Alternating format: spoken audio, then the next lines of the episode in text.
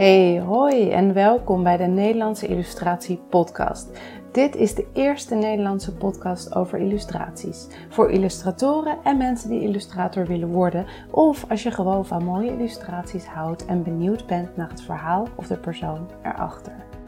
Ik ben Irene Cecile en ik ben gespecialiseerd in het maken van illustraties met een educatief doel. Ik vertel je over mijn werkwijze, leerpunten, ondernemersreis en inspiratie. En ik ben heel nieuwsgierig naar hoe andere illustratoren het doen. Welke passie of niche ze hebben, hoe ze zich hebben ontwikkeld, wie hun leermeesters zijn en hoe ze hun bedrijf runnen. Ik weet bijna zeker dat we elkaar zo verder kunnen helpen en inspireren.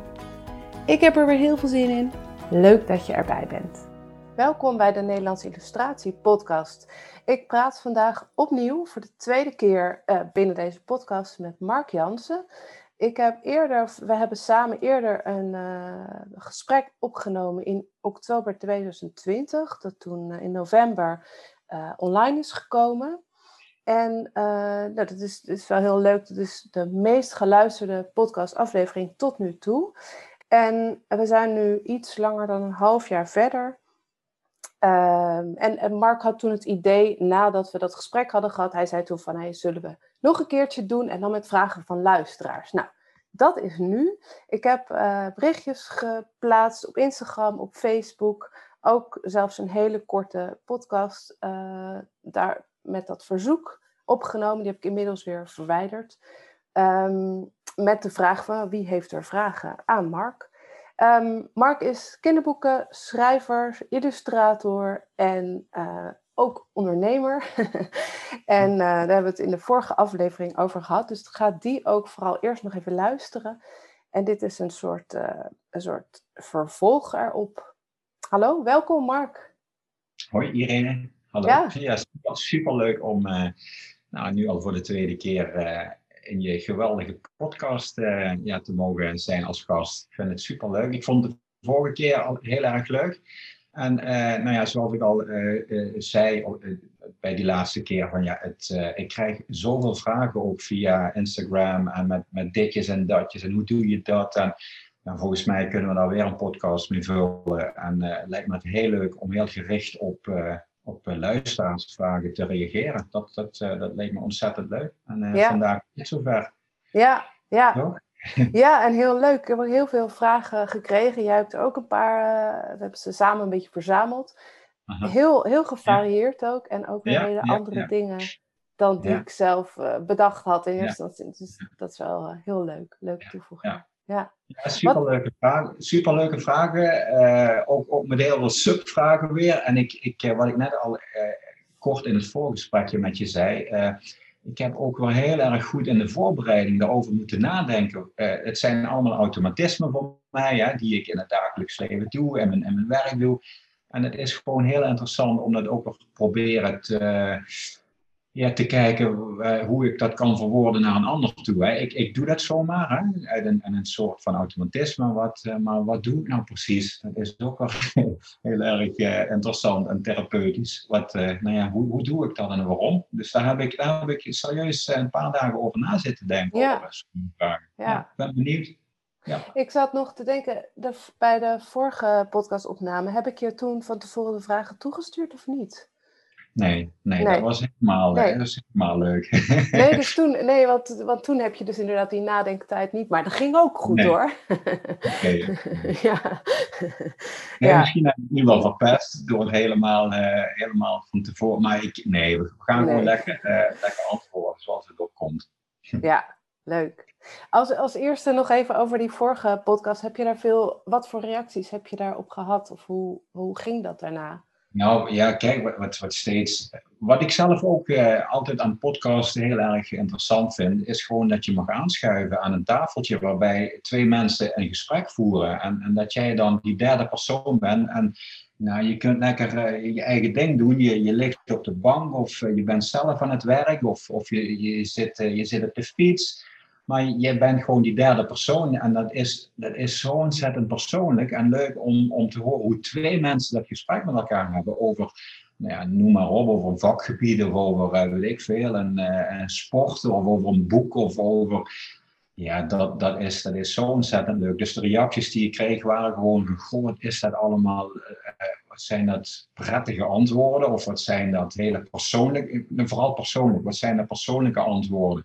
Ja. ik, wist niet dat je, ik wist niet dat je ook met diezelfde dingen zat. Want mensen, mensen denken, denken, uh, denken dat ik een of andere, weet ik veel, tovenaar ben. Maar ik, ik zit nog steeds met dezelfde struggles ook. En, uh, ondertussen, na 23, eh, 24 jaar in het vak te zitten, gaan een aantal zaken inderdaad een stuk gemakkelijker. En die, ik kan al een stukje onzekerheid skippen en ik kan al op automatisme uh, buigen. Maar in de basis ja, zit ik nog steeds met dezelfde dingetjes. ook, ik moet ook steeds opnieuw beginnen. Bij elk nieuw boek moet ik weer opnieuw het wiel uitvinden. Ik moet weer nieuw, vernieuwend zijn of het moet weer anders zijn. Dus het, nou, al, al de vragen die we zo meteen gaan bespreken, dat, dat, daar zit ook telkens weer een stuk van mezelf in, waar ik nog steeds mee te dealen heb, of mm -hmm. heb gedeeld. Dus uh, antwoorden daarop zijn gewoon altijd uh, ja, heel erg persoonlijk. En ik denk dat dat, uh, dat de reacties die ik kreeg, dat die daarover gingen van, goh, jij, ja, ja, zit je daar nog steeds mee? Ja, iedereen zit mee.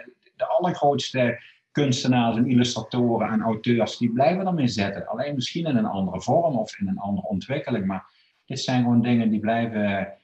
Dus, dus dat is al een, een, eerste antwoord op, op, op, op, op de grote vraag hè, van ja, het, het, het, gaat, uh, het gaat eigenlijk nooit veranderen. Uh, dat blijft altijd, alleen je gaat er veel beter mee om en er komt een stukje vertrouwen bij. En, en soms gaan dingen langzaam oplossen, of, uh, maar er komen ook wel andere zaken bij. Dus ja nou ja, wat zullen we zeggen? Dat is het leven.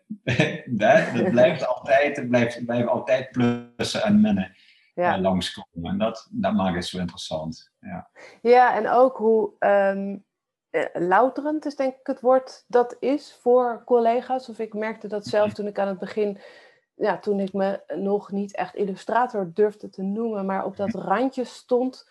Uh, had ik mhm. een keer een gesprek met iemand, uh, wat in mijn ogen een, een, een ehm, eh, illustrator die het gemaakt had. En zij vertelde toen over haar onzekerheid. En dat ik toen dacht, oh, maar als zij dat ook heeft. Ja, precies. Ja, dan, ja, dan eigenlijk het verschil tussen ons? Van dan... nee, nee, in principe niet. Kijk, wat, jij, jij plaatste jezelf toen, uh, dat heb je dan ook zelf gedaan, hè? In, in, in, in het uh, noemertje van uh, beginner. En dan, mm -hmm. dan denk je dat je onderaan staat.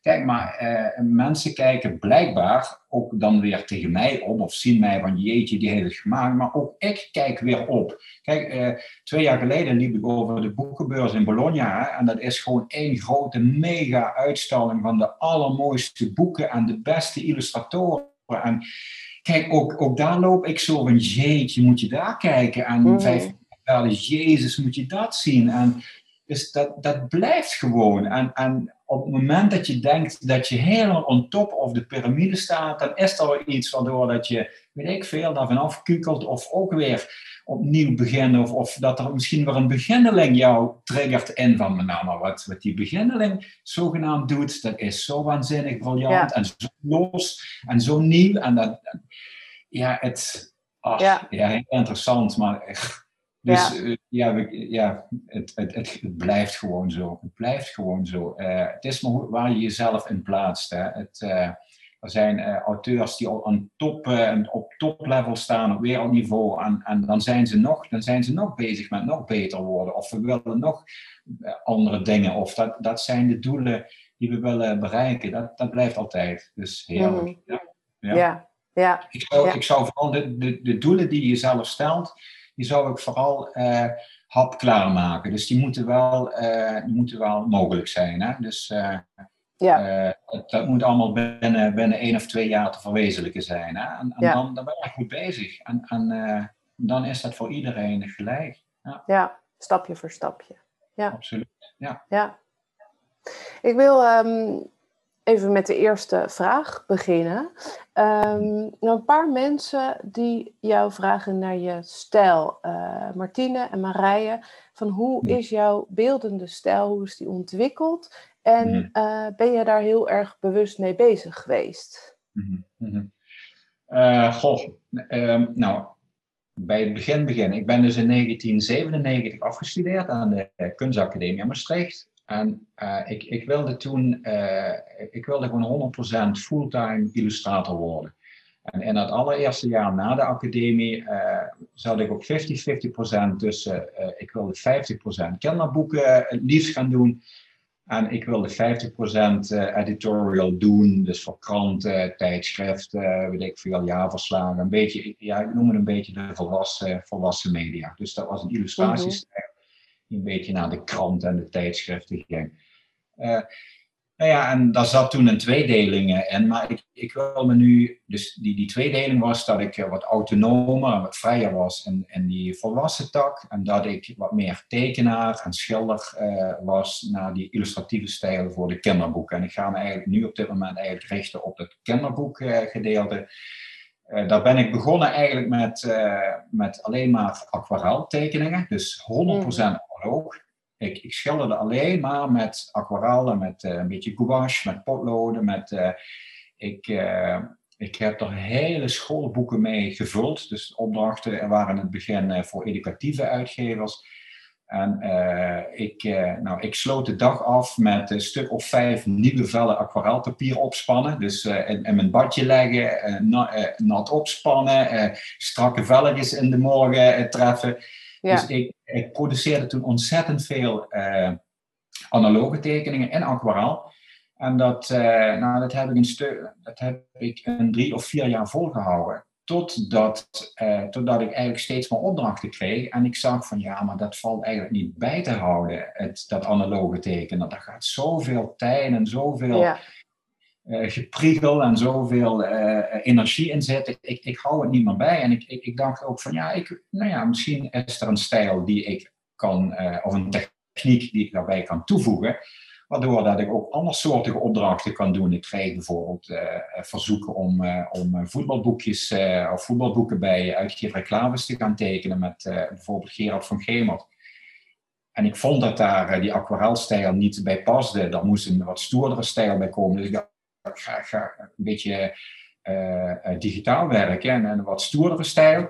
Dus daar kwam een digitale stijl bij. En ik moet je bekennen dat die digitale tekenstijl, dat die een beetje de overhand was gaan nemen. Ik kreeg steeds meer opdrachten naar me toe. Ik zei op steeds meer opdrachten, ja, sorry, ja, dat, dat kan ik wel eventjes doen. En ondertussen, uh, misschien is het verhaal bekend, dat, ik heb het al vaker verteld. Uh, nou kreeg ik zoveel opdrachten en ik, ik, ik kwam jaar na jaar uit op, op volgens mij eh, een stuk of 30 tot 40 boeken per jaar. Mm. En dat, uh, ging alleen maar omdat mijn tekenstijl heel erg, uh, ja, heel erg to the point en snel was. En ja. die boeken zijn absoluut gewoon goed van kwaliteit, er is niks mis mee. Alleen waar, de stijl waarmee ik me bediende was gewoon een hele snelle stijl. En, en hij, hij komt op dit moment ook een beetje plastic fantastic op me over. Uh, dat, uh, maar voor, voor toen dacht ik van, nou, ik, ik, ik ben beroepstekenaar en iedereen die, die bij mij komt uh, met een opdracht, ja, dat kan ik leveren. En dit is mijn tekenstijl en dat doe ik. Ja. Dus, dus ik ging van aquarel naar, naar die digitale tekenstijl. Die ziet er wat, nou ja, wat plastic fantastic uit. En dat betekent dus dat ik, ik, ik, maakte een, een pennenlijntje op, op papier. dat pennenlijntje scande ik. En ik ging die tekening ging volledig digitaal invullen. Dus met een brush of met een, een digitale brush ging ik die tekening helemaal invullen. En de lijntjes deed je dus allemaal wel nog analoog? Dus de omtrek, lijnen? Ja, ja, ja. Dus ik, ik maakte eerst een schets, een schets uh, op papier. En dat, uh, die schets die trok ik over met een, handmatig met een, een pennenlijntje. Dus dat was gewoon een zwart-wit tekening. En dat was mijn lijntekening. Die lijntekening ging ik dan digitaal invullen. Ja, en dat heb je nooit helemaal, uh, dat je ook digitaal bent begonnen. Dus dat je ook nee, de lijnteken. Nee. nee.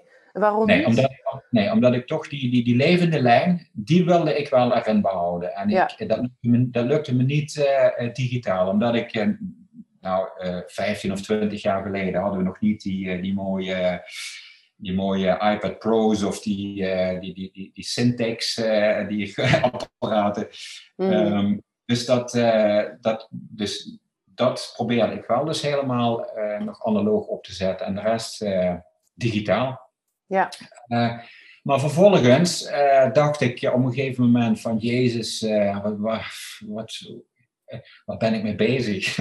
Hoeveel boeken? Maar ik ben gewoon een boekenfabriekje en ik kreeg ook steeds meer reacties van mensen van Mark, wat komt er veel van je uit en wat, wat uh, nou ja, en er, er, kwam een soort bezinning over me heen, zo van, goh, ja, is dit het nu? Is dit nu, wat zou er gebeuren als ik in plaats van 30 boeken 20 boeken zou maken of 15 boeken, uh, dat ik voor elk boek wat meer tijd heb. Of uh, ik vond dat toen heel moeilijk, omdat, er, uh, omdat ik, dat heb ik in de vorige podcast volgens mij ook uitgelegd, dat het ook een beetje een financieel plaatje was. Ja. Nou ja, ja. 40 boeken leveren meer op dan 20 boeken. Maar ik, ik, ik zag mezelf de, de kunstenaar die ik voor me zag op de kunstacademie kwam, had ik helemaal verzopen. Die had ik zelf, die had ik zelf te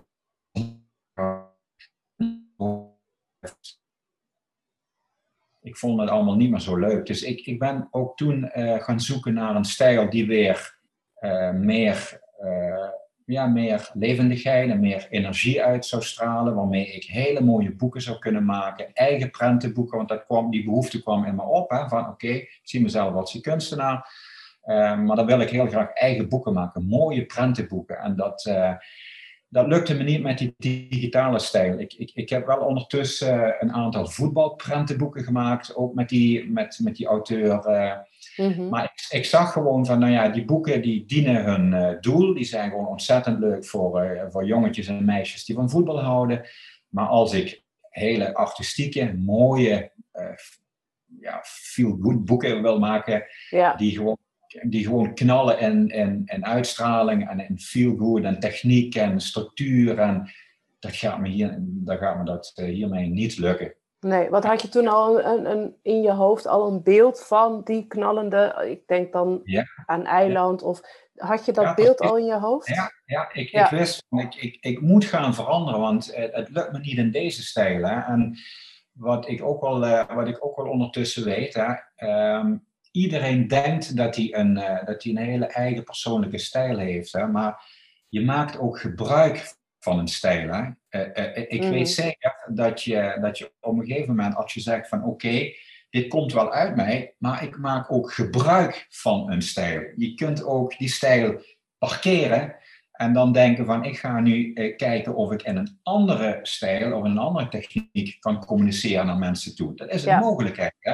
Je zit niet vast aan die stijl. Je kunt, kijk, als jij altijd digitaal werkt of altijd met aquarel werkt, waarom ga je niet eens een keer proberen om, te, om, om, om een vel papier met knippen en plakken en met oogjes erop te plakken? En dat is dan een andere techniek. Hè? Die is totaal anders. Maar die mogelijkheid heb je altijd. Ja. Uh, alleen ik was, ik was zoekende naar hoe kan ik, hoe kan ik communiceren naar hoe, hoe kan ik mijn gevoel wat ik heb, uh, het, het, overbrengen van een, een, een, mate van schoonheid, hoe ik dat zie, een verhaal en een beeld, hoe kan ik dat overbrengen? En ik, ik ben gewoon jarenlang ben ik gewoon zoekende geweest en ik, ik, ik wist het niet helemaal. Ik wist dat ik helemaal in het begin uh, was begonnen met, met aquarel, hè, met, met -hmm. analoog schilderen. Maar er zat, er zat daar een begrenzing aan. Ja. Dus een punt, in, een punt in de tekening, dus, uh, dus een punt in de tekening dat ik moest toegeven van oké, ik, ik, kom nu niet meer verder en er, er ontbreekt nog iets. Eigenlijk zou ik nog 25% bovenop die tekening willen leggen, maar het lukt me niet meer in analoog, in analoog schilderen. Ja, ja. Nou ja, en, en, nou, en toen ben ik dus gaan zoeken van, nou ja, wat gebeurt er als ik dus dat wel ga schilderen en ik ga dat, uh, ga dat uh, invoegen in datgene wat ik in al die jaren geleerd heb op uh, digitaal niveau. Dus de, de, digitale jaren, zeg maar, had ik ook een aantal zaken geleerd. Hoe kan ik beide combineren? En opeens kwam er een soort van Eureka-moment van ja, maar als ik, als ik schilder op papier en ik ga dat scannen en ik ga dat bewerken in Photoshop, dan heb ik wel opeens die 25% ja. Uh, gloed of glans of datgene wat ik voor ogen had. Kwam, kwam wel opeens. En ook nog niet helemaal in perfectie, maar uh, ik wist wel van nou, maar nu heb ik iets persoonlijks gevonden, wat volgens mij ook nog niet. Het zal absoluut al eerder gebeuren. Uh, alles, alles, alles wordt al eens gedaan op, de, op deze planeet. Maar voor mij was dat helemaal nieuw. En ik dacht van ja, maar nu heb ik iets met heel veel potentieel. En kijken wat er gebeurt als ik daar verder in ga. Dus, dus dat, is eigenlijk die derde stap. Hè? Dus eerst schilderen op papier, toen dat, die, die totale digitale overname. En nu weer terug naar het analoge schilderen in combinatie met digitaal werken. Ja. En, ja. en, daarmee is eigenlijk mijn beeldende stijl enorm ontwikkeld. Buiten het feit dat ik gewoon ook tekentechnisch, uh, nou ja, ondertussen ontzettend veel meters heb gemaakt. En dat, dat zie je ook. Dat zie je ook. Ja. Als je mijn eerste boek ziet, dan denk ik, nou bekijk ze maar niet meer, want uh, daar schaam ik kapot voor. Dat, goed, Jij misschien wel, dat weet ik niet, maar ja. ja en eh, hoe, nog een vraag van, van Gina. Hoe blijf jij jezelf nu ontwikkelen? Ja, wat ik, uh, ik, nou, ik probeer altijd een, het, het eerstvolgende boek wat ik maak, probeer ik altijd anders te maken dan het voorgaande boek. Dus ik, probeer nooit in herhaling te vallen. En als je, als je mijn boekjes uh, op een rij zou zetten, dus ik ben begonnen met Niets gebeurd, het is een heel open en kleurrijk boek. En mhm. meteen het tweede boek dat daarop volgt, en ik, ik, ik wil nog eventjes, uh, ik wil een leeuw daar, daar ook een beetje nog, nog niet erbij zetten. Maar het eerstvolgende boek daarop uh, was uh, Dino's bestaan niet. En Dino's bestaan niet uh, is een heel donker en spannend boek. Dus je ziet al, die reactie op Niets gebeurd was van een heel open en licht boek.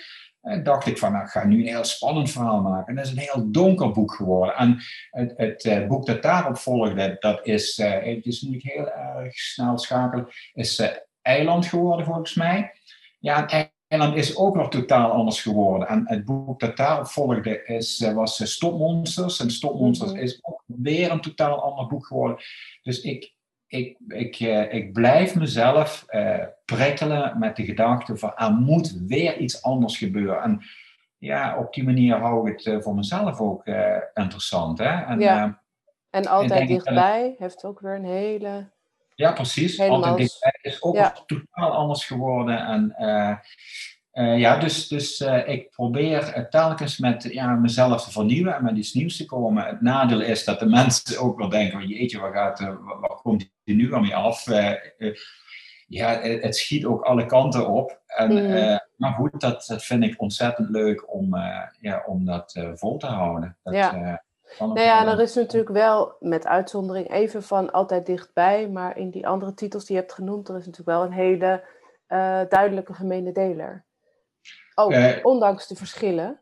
Ja, natuurlijk. natuurlijk. Wat, er al, wat er altijd in zit, en dat geldt voor elke illustrator, is dat, dat jij daarin zit.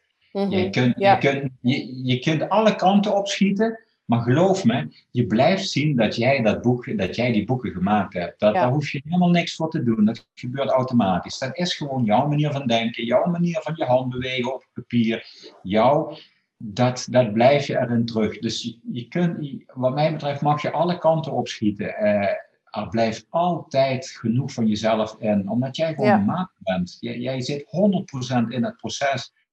En uh, nou ja, dat is ook super lekker, want dan, dan kun je ook niet denken of bang zijn van ja, maar ben ik, val ik nu niet te veel buiten dat kader? Of gaan mensen nog, nou geloof me, doe maar gewoon lekker. Uh, jij, jij zit gewoon in dat proces en dat, dat blijf je zien. Dus ja. Dat, ja, ik denk dat dat die gemene deler is. Ja. ja. En dan komt er, uh, ik, even, ik weet even niet wanneer precies, maar ik denk in september of zo is de kinderboekenweek. Dan maak jij het prentenboek. Ja. Heb je, ga je daar nog iets heel anders doen qua stijl? Of hoe ga je dat? Uh... Ja, ja, nou, ik ben, ik ben uh, ondertussen helemaal klaar uh, sinds afgelopen okay. week met, met prentenboek Dromer. -hmm. En nou ja, ik heb deze vraag, heb je me al inderdaad al eerder doorgestuurd, gisteren of eergisteren. En ik, ik, ik heb, het gebeurt eigenlijk steeds automatisch natuurlijk. Hè. Ik, ga niet ik ga niet concreet op zoek naar, nou, nu moet ik iets doen wat weer totaal anders is. Het, ondertussen is een soort van automatisme geworden dat ik gewoon ook mezelf wil, wil prikkelen met iets nieuws. Hè? Dat het ook wel ontzettend leuk is om dat uit te proberen. Of om te kijken om daar weer een heel goed niveau in te halen.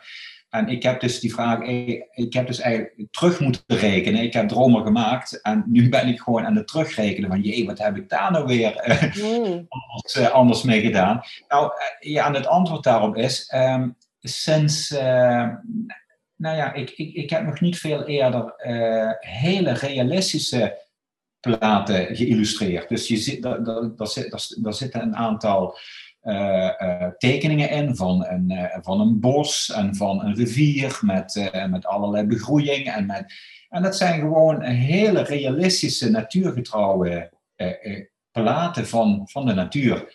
En dat heb ik eigenlijk ook nog niet eerder gedaan. Zelf was niet een eiland. Eiland gaat ook over de oceanen. Maar ik, ik ben dan met kleur en met, met, ben ik toch een beetje weer in die overtreffende trap gegaan. Maar nu laat ik prenten zien in hele natuurgetrouwe aardetinten. En, dus dat is helemaal nieuw. En in contrast daarop, ook in hetzelfde boek, eh, eh laat ik droombeelden zien.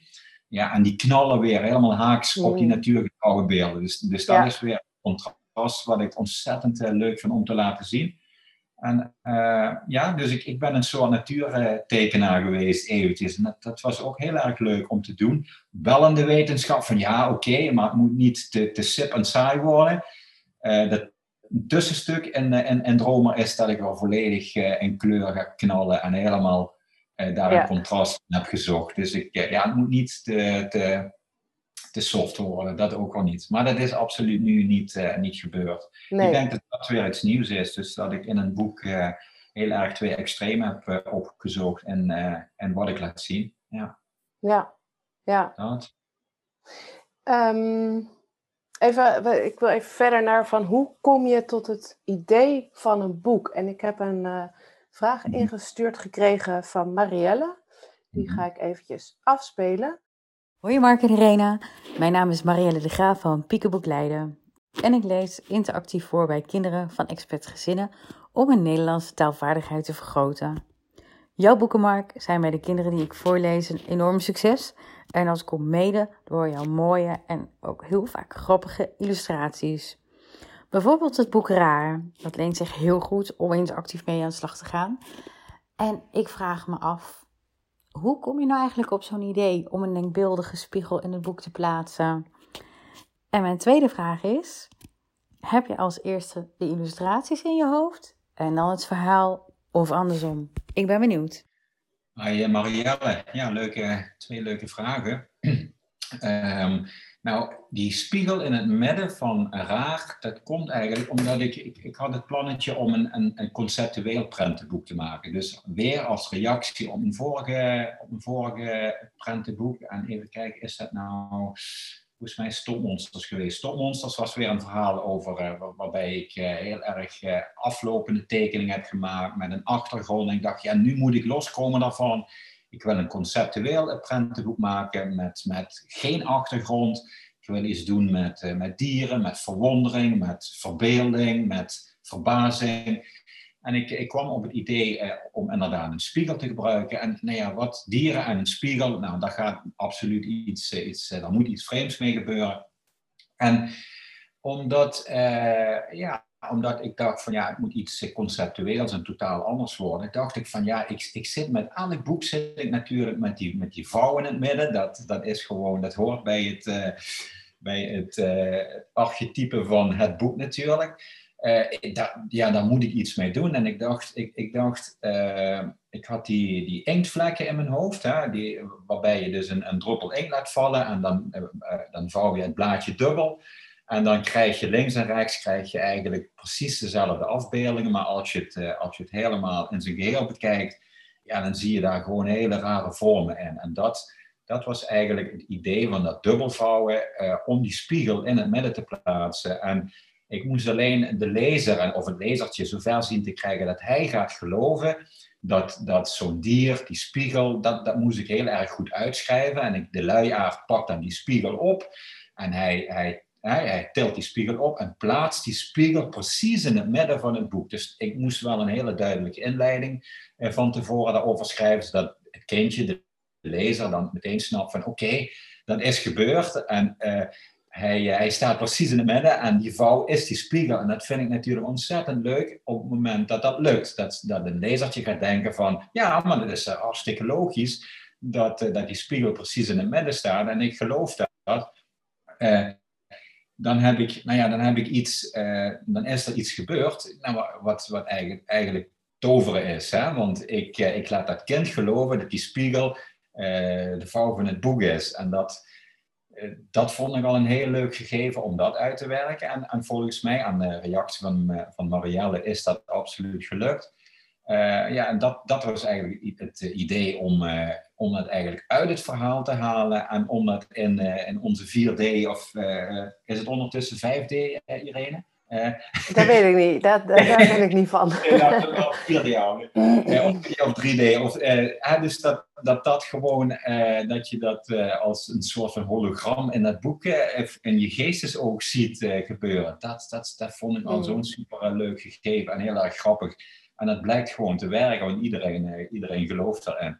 Dus en, en want hoe, als we weer even teruggaan van hoe, hoe, is dat, hoe is dit boek of dit idee precies begonnen? Wat was dat dan uh, echt de, was, was nummer één, was dat de, de, de frustratie tussen aanhalingstekens met de vouw? Of was het het idee van een spiegel? Of begon je met ik wil een verhaal zonder achtergrond? Of hoe? Ja, nee, dat is, dat is een hele goede. Kijk, hoe, hoe ik altijd begin, en, en een aantal vragen die nog zullen komen, of die we misschien zo meteen ook kunnen overslaan daardoor, is gewoon ik ga altijd op zoek naar een thema. Ik, ik, een archetypisch thema. En een archetypisch thema is eigenlijk iets wat over de hele wereld precies hetzelfde is. En dan heb je, uh, er, zijn, er zijn er thema's zoals vriendschap of uh, uh, rouw of verdriet of opa en oma of dino's. En kijk, dat, dat zijn hele grote thema's die, nou ja, die iedereen snapt. Ja. En, ik moet een beetje lachen hoor, tussendoor. Want je zegt vriendschap, rouw en dino's. Ja, nee, nee. Maar, nee, maar ik snap het. Ja, ik zit hier in, in, mijn atelier en ik kijk naar mijn, naar mijn boekenrek. En mm daar, zie ik mijn eigen boeken dan staan. En dan, uh, dan denk ik van, oké, dat heb ik gedaan. Ik heb dino's gedaan. Ik heb uh, verbeelding gedaan met uh, niets gebeurd. En dus dat was ik eventjes... Ja. De verschillen zijn inderdaad enorm ertussen. Maar dat, dat, dat mag je uit ja. Ja. Zijn er ontzettend veel. internationale thema's zijn het eigenlijk. Ja. En um, daar ga ik naar op zoek. Uh, in dit geval was dat uh, verwondering en, en, en uh, absoluut een spiegel zou ook al een archetypische thema kunnen zijn. Dat is ook overal ter wereld ontzettend bekend. Maar vervolgens, en dat is gewoon de formule van een heel goed prentenboek, je moet een probleem hebben. Dus ik ga altijd, op het moment dat ik mijn thema heb gekozen, zo ja, nu ga ik hier iets mee doen, ga ik een probleem toevoegen. Want door een probleem toe te voegen, wordt het gewoon een ontzettend interessant prentenboek. Ja. Uh, je, dat probleem moet je toevoegen. Vervolgens uh, is er een gedeelte in een prentenboek waarbij uh, de karakters op zoek gaan naar een oplossing van dat probleem. En als het goed is, en daar zit eigenlijk de, de crux van elk prentenboek, en dat is soms zo moeilijk te vinden, je moet een hele verrassende oplossing vinden. Dus dat, dat is eigenlijk de formule. Dus je hebt een thema, oké, daar ga ik mijn boek over, uh, over uh, houden, uh, schrijven. Mm -hmm. Je introduceert een probleem. de karakters gaan op zoek naar oplossingen van dat probleem. En dan je payoff, ja, moet gewoon ongekend nieuw en verrassend zijn. Dat is gewoon heel moeilijk. Ja. Dus ehm, dus uh, de vraag is, um, ja, ik, ik, ik had het idee van uh, die spiegel, uh, die verwondering en dan inderdaad dat je hele gekke vormen krijgt. Maar ik heb het probleem geïntroduceerd dat die spiegel kapot gaat. het is allemaal leuk en aardig, ze hebben een, een, een, een climax, een plezier en het is allemaal hartstikke leuk. En de, de, de, de houdingen en de gezichten en de mimiek van de dieren wordt steeds gekker en steeds vreemder. Maar er komt een einde aan, want die spiegel die breekt. Hè? Een dikke, mm -hmm. dik nekpaard doet een handstand en hij kiept om en met zijn dikke billen komt hij tegen de spiegel. De spiegel breekt in, twee, in, in, in honderdduizend stukjes. Nou ja, en dan, uh, dan is, het, uh, is het einde van het feest. En mijn payoff is dan gewoon van, ja, is dat zo? En dan laat ik, wat ik ontzettend leuk vind, is gewoon dat ik helemaal geen bevredigend uh, einde geef aan dit prentenboek, maar dat ik het kind een beetje een beetje achterlaat met van, ah, maar wat is, ha, wat is hier nou gebeurd? Kijk, dat is ook ontzettend leuk, hè? Om, om een beetje, ja, om ze niet helemaal, om niet helemaal het, hoe zeg je dat? wat ze verwachten om dat niet helemaal in te vullen. Dat het, dat, dat het blijft nazinderen. Dat ze het boek dichtslaan en dat ze nog een beetje denken van... Ha, ik, wat is hier gebeurd? Of wat, dat is ook ontzettend interessant. Om dat niet helemaal in te vullen. Ja, en dat is bij, uh, bij Raar gebeurd. Ja. En uh, liefst, liefst nemen ze het boek nog eens uh, in hun handen om dingen te ontdekken. Of dat nou al in het begin van het verhaal zat. Of, maar dat, dat ja, dat is ook ontzettend leuk om het, het einde wat meer open te houden. Dus dat, dat heb ik in dit boek, met dit boek gedaan. Ja, ja, ja, ja. mooi. En überhaupt, een vraag van Martine, van waar haal jij je inspiratie vandaan voor nieuwe boeken of voor ideeën? Of waar... Mm -hmm.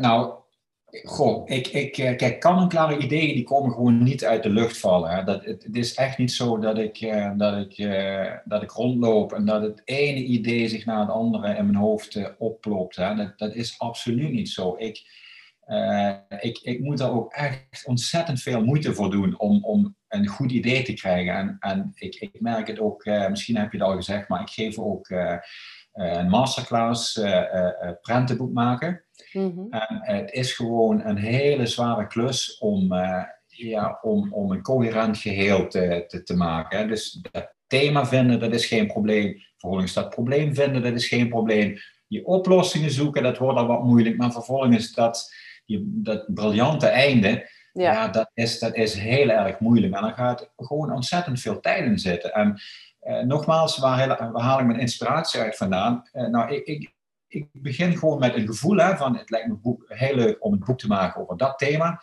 En vervolgens moet ik gewoon uh, dagenlang aan mijn uh, werktafel zitten.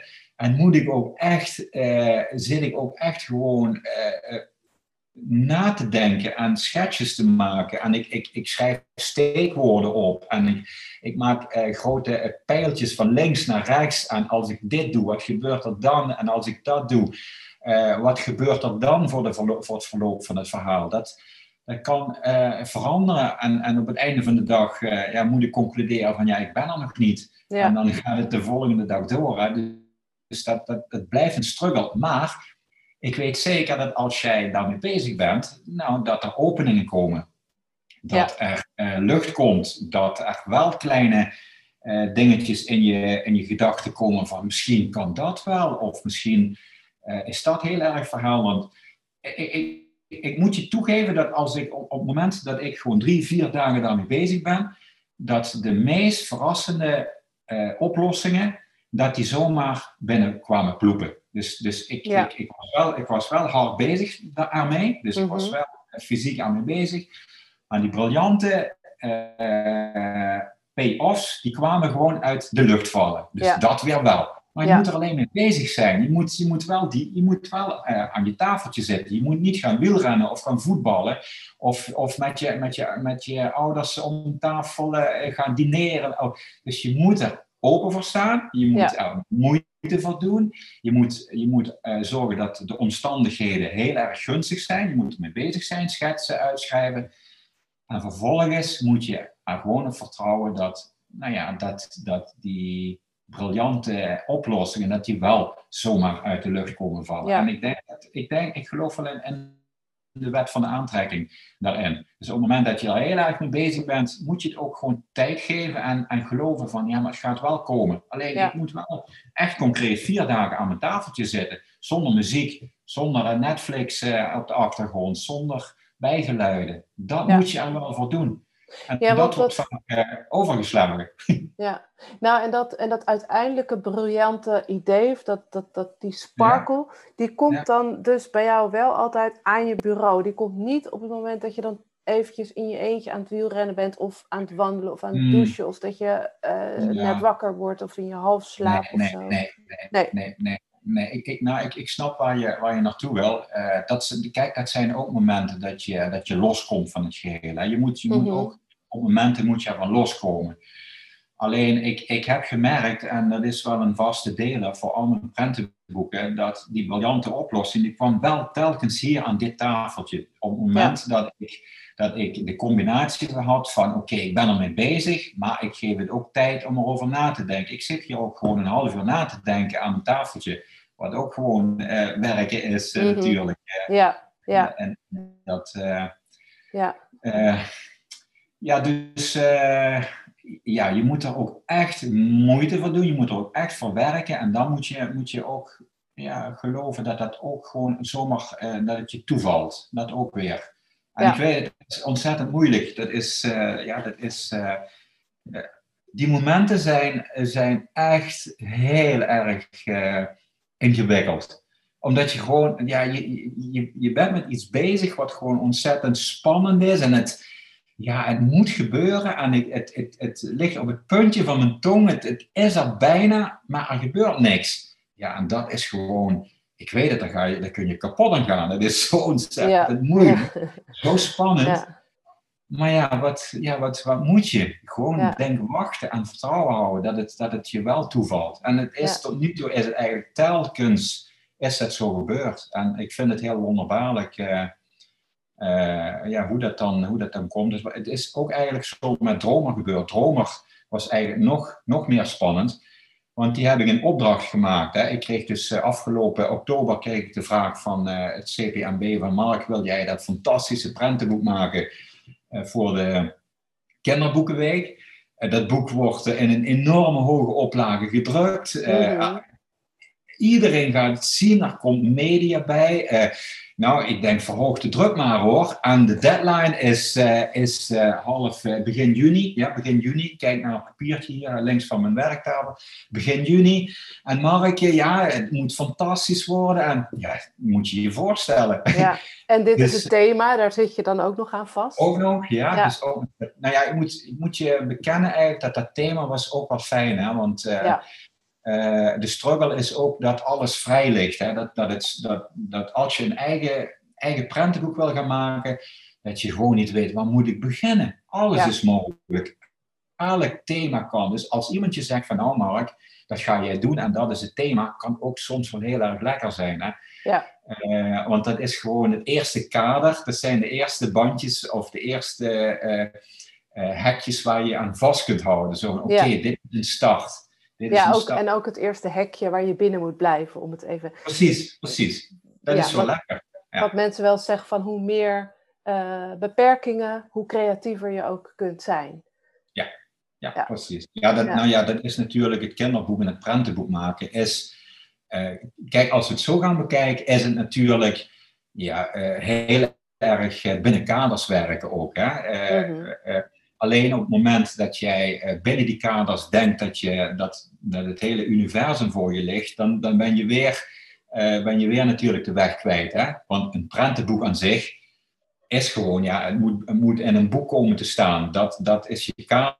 Het moet, uh, moet een verhaal hebben. Je moet je houden aan een aantal spreads. En dat zijn allemaal dingen waar je je aan kunt vasthouden. Alleen als dat je bandbreedte wordt, kan dat ook ontzettend breed zijn, hè? snap je? Ja, ja. Kijk, als een, autonoom, als een autonoom kunstenaar die altijd hele grote 3D-projecten eh, maakt en die gaat tegen hem zeggen of haar zeggen van, ja, je moet een kinderboek maken. Die man of vrouw denkt, mijn hemel, ik word helemaal, helemaal samengeplet ja. Dus dat, zo kan het ook wel zijn. Ja, ja. Um, we gaan even verder, want je, je, je hebt net al een beetje gezegd van nou, uh, hoe, hoe bedenk je een verhaal? Dus het thema, het probleem en dan die oplossing en die, mm die, die, die, briljante oplossing eigenlijk. Um, Sascha had nog een vraag over jouw schrijverschap. Van hoe, um, hoe heb je het, het, schrijven zelf geleerd? Heb je daar cursussen in gevolgd? Uh, ging het je makkelijk af? Je hebt in de vorige podcast al verteld dat je bent begonnen bij uh, Zwijs, als ik het me goed herinner, die, die AVI-boekjes, dat je daar het schrijven al hebt geleerd. Maar heb je daar cursussen over uh, gevolgd of iets dergelijks? Of? Nee, nee, helemaal niet. Nee, nee ik, ik, moet je, ik moet je wel uh, zeggen dat toen ik van de middelbare school afkwam, dat ik, dat ik, het, dat ik nog twijfelde welke kant dat ik zou opgaan. Ik, ik vond schrijven ook ontzettend leuk. Ik, ik had een aantal keren opstellen geschreven op, op het VWO met, met negens en tienen als resultaat. En ik, ik vond het ontzettend leuk om te doen. Alleen uh, toen, toen dacht ik totaal niet van ik ga een of andere auteur worden of kinderboeken schrijven, helemaal niet. Nee, ik, ik, ik, ik wilde de school, uh, school voor journalistiek gaan doen. Maar uh, ik ging kijken in Utrecht en ik vond het gebouw helemaal niks. En, en ik, ben, ik ben niet meer teruggekeerd naar die hoek, dus zo kan het ook lopen. Ik, ik, ik dacht van nee, ik zie mezelf hier niet in dit gebouw op de Universiteit van Utrecht rondlopen voor de, voor de school voor journalistiek. Dat zie ik niet zitten. Ik voel me helemaal niet happy. En, uh, dus, dus om aan te geven van oké, okay, uh, dat vond ik helemaal niks. En toen ben ik vanzelf de kant van de, van de, uh, van de, het, van de kunstacademie opgegaan. maar dat stukje schrijven, dat heeft eigenlijk altijd wel in me gezeten. Alleen ik, ik, ben dan, ik heb daar nooit meer iets in gedaan. Totdat inderdaad, totdat ik de kans kreeg om, om een om wat AVI-boekjes te schrijven bij, uh, bij uitgeverswijze, educatieve uitgever. Want heb je dat toen zelf uh, geïnitieerd of kwamen zij naar jou uh, toe? Ja, hoe is dat nou voor de eerste keer gegaan? Dat weet ik eigenlijk niet meer. Nee, volgens mij, nee, volgens mij is het zo gegaan. Ik mocht een, ik mocht een strip tekenen voor beginnende lezers. Mm -hmm, ja. En in die strip mocht ik zelf de tekst bedenken en schrijven. Nou ja, aan die. Uh, nee, uh, vuur, van, vuur van Tuur. Oh, vuur ja. van Tuur. Ja. ja. mijn dochter heeft ze net al gelezen. ja, precies. Ja, ja en, nou, en ik, ik nou, daar kwam eigenlijk ook wel alles bij elkaar. Zo, jeetje, wat is dit leuk om, om, om niet alleen maar die tekeningen bij andermans teksten te, te, te illustreren, maar om ook nog die tekst helemaal zelf te schrijven. Wat is dat leuk? En ik, ik mag niet meer woorden gebruiken dan dan uh, vijf woorden per zin. En dus het, het, het, ik werd er heel erg uh, uh, in begeleid van je mag niet, je mag niet te uitgeweid schrijven, niet te bombastisch. Het moet allemaal heel erg compact zijn. Ja, en dat zijn gewoon de beste oefeningen. Want dus de masterclass die ik geef aan, aan de, de nieuwe prentenboekenmakers, eh, wat ze bijna allemaal doen is dat als ze, een, uh, als ze een tekst gaan schrijven, dat het heel erg uitgebreid is, dat het heel erg wollig is, dat, het, dat er ontzettend veel woorden in een tekst staan. En bij een prentenboek ja, moet het minder, minder, minder, nog minder worden.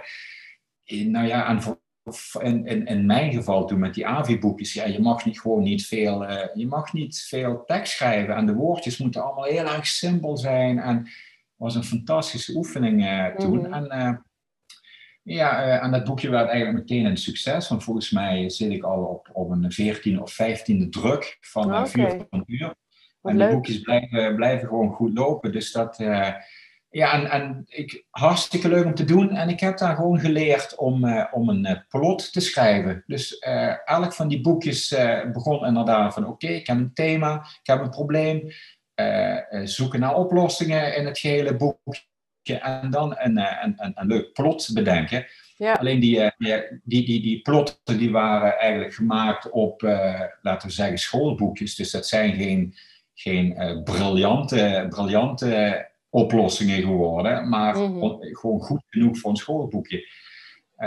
ja, nogmaals, dat waren hele goede oefeningen. En ik, nou, ik en heb inderdaad toen... geen want had je toen, dat, wat je net zei, van die, die, een thema en een, en een probleem en een oplossing. Je wist al wel van zo moet ik het doen. Of werd je dan enigszins begeleid door je uitgever destijds? Uh, nee, volgens mij ook niet. Nee. Ik, nee, ik had dat, nee, ik, ik, voelde, ik voelde dat aan. Ik, dus ja. ik, ik, uh, ik ondertussen ook al de 17 jaar in het vak en ik, ik heb dat altijd uh, zo aangevoeld.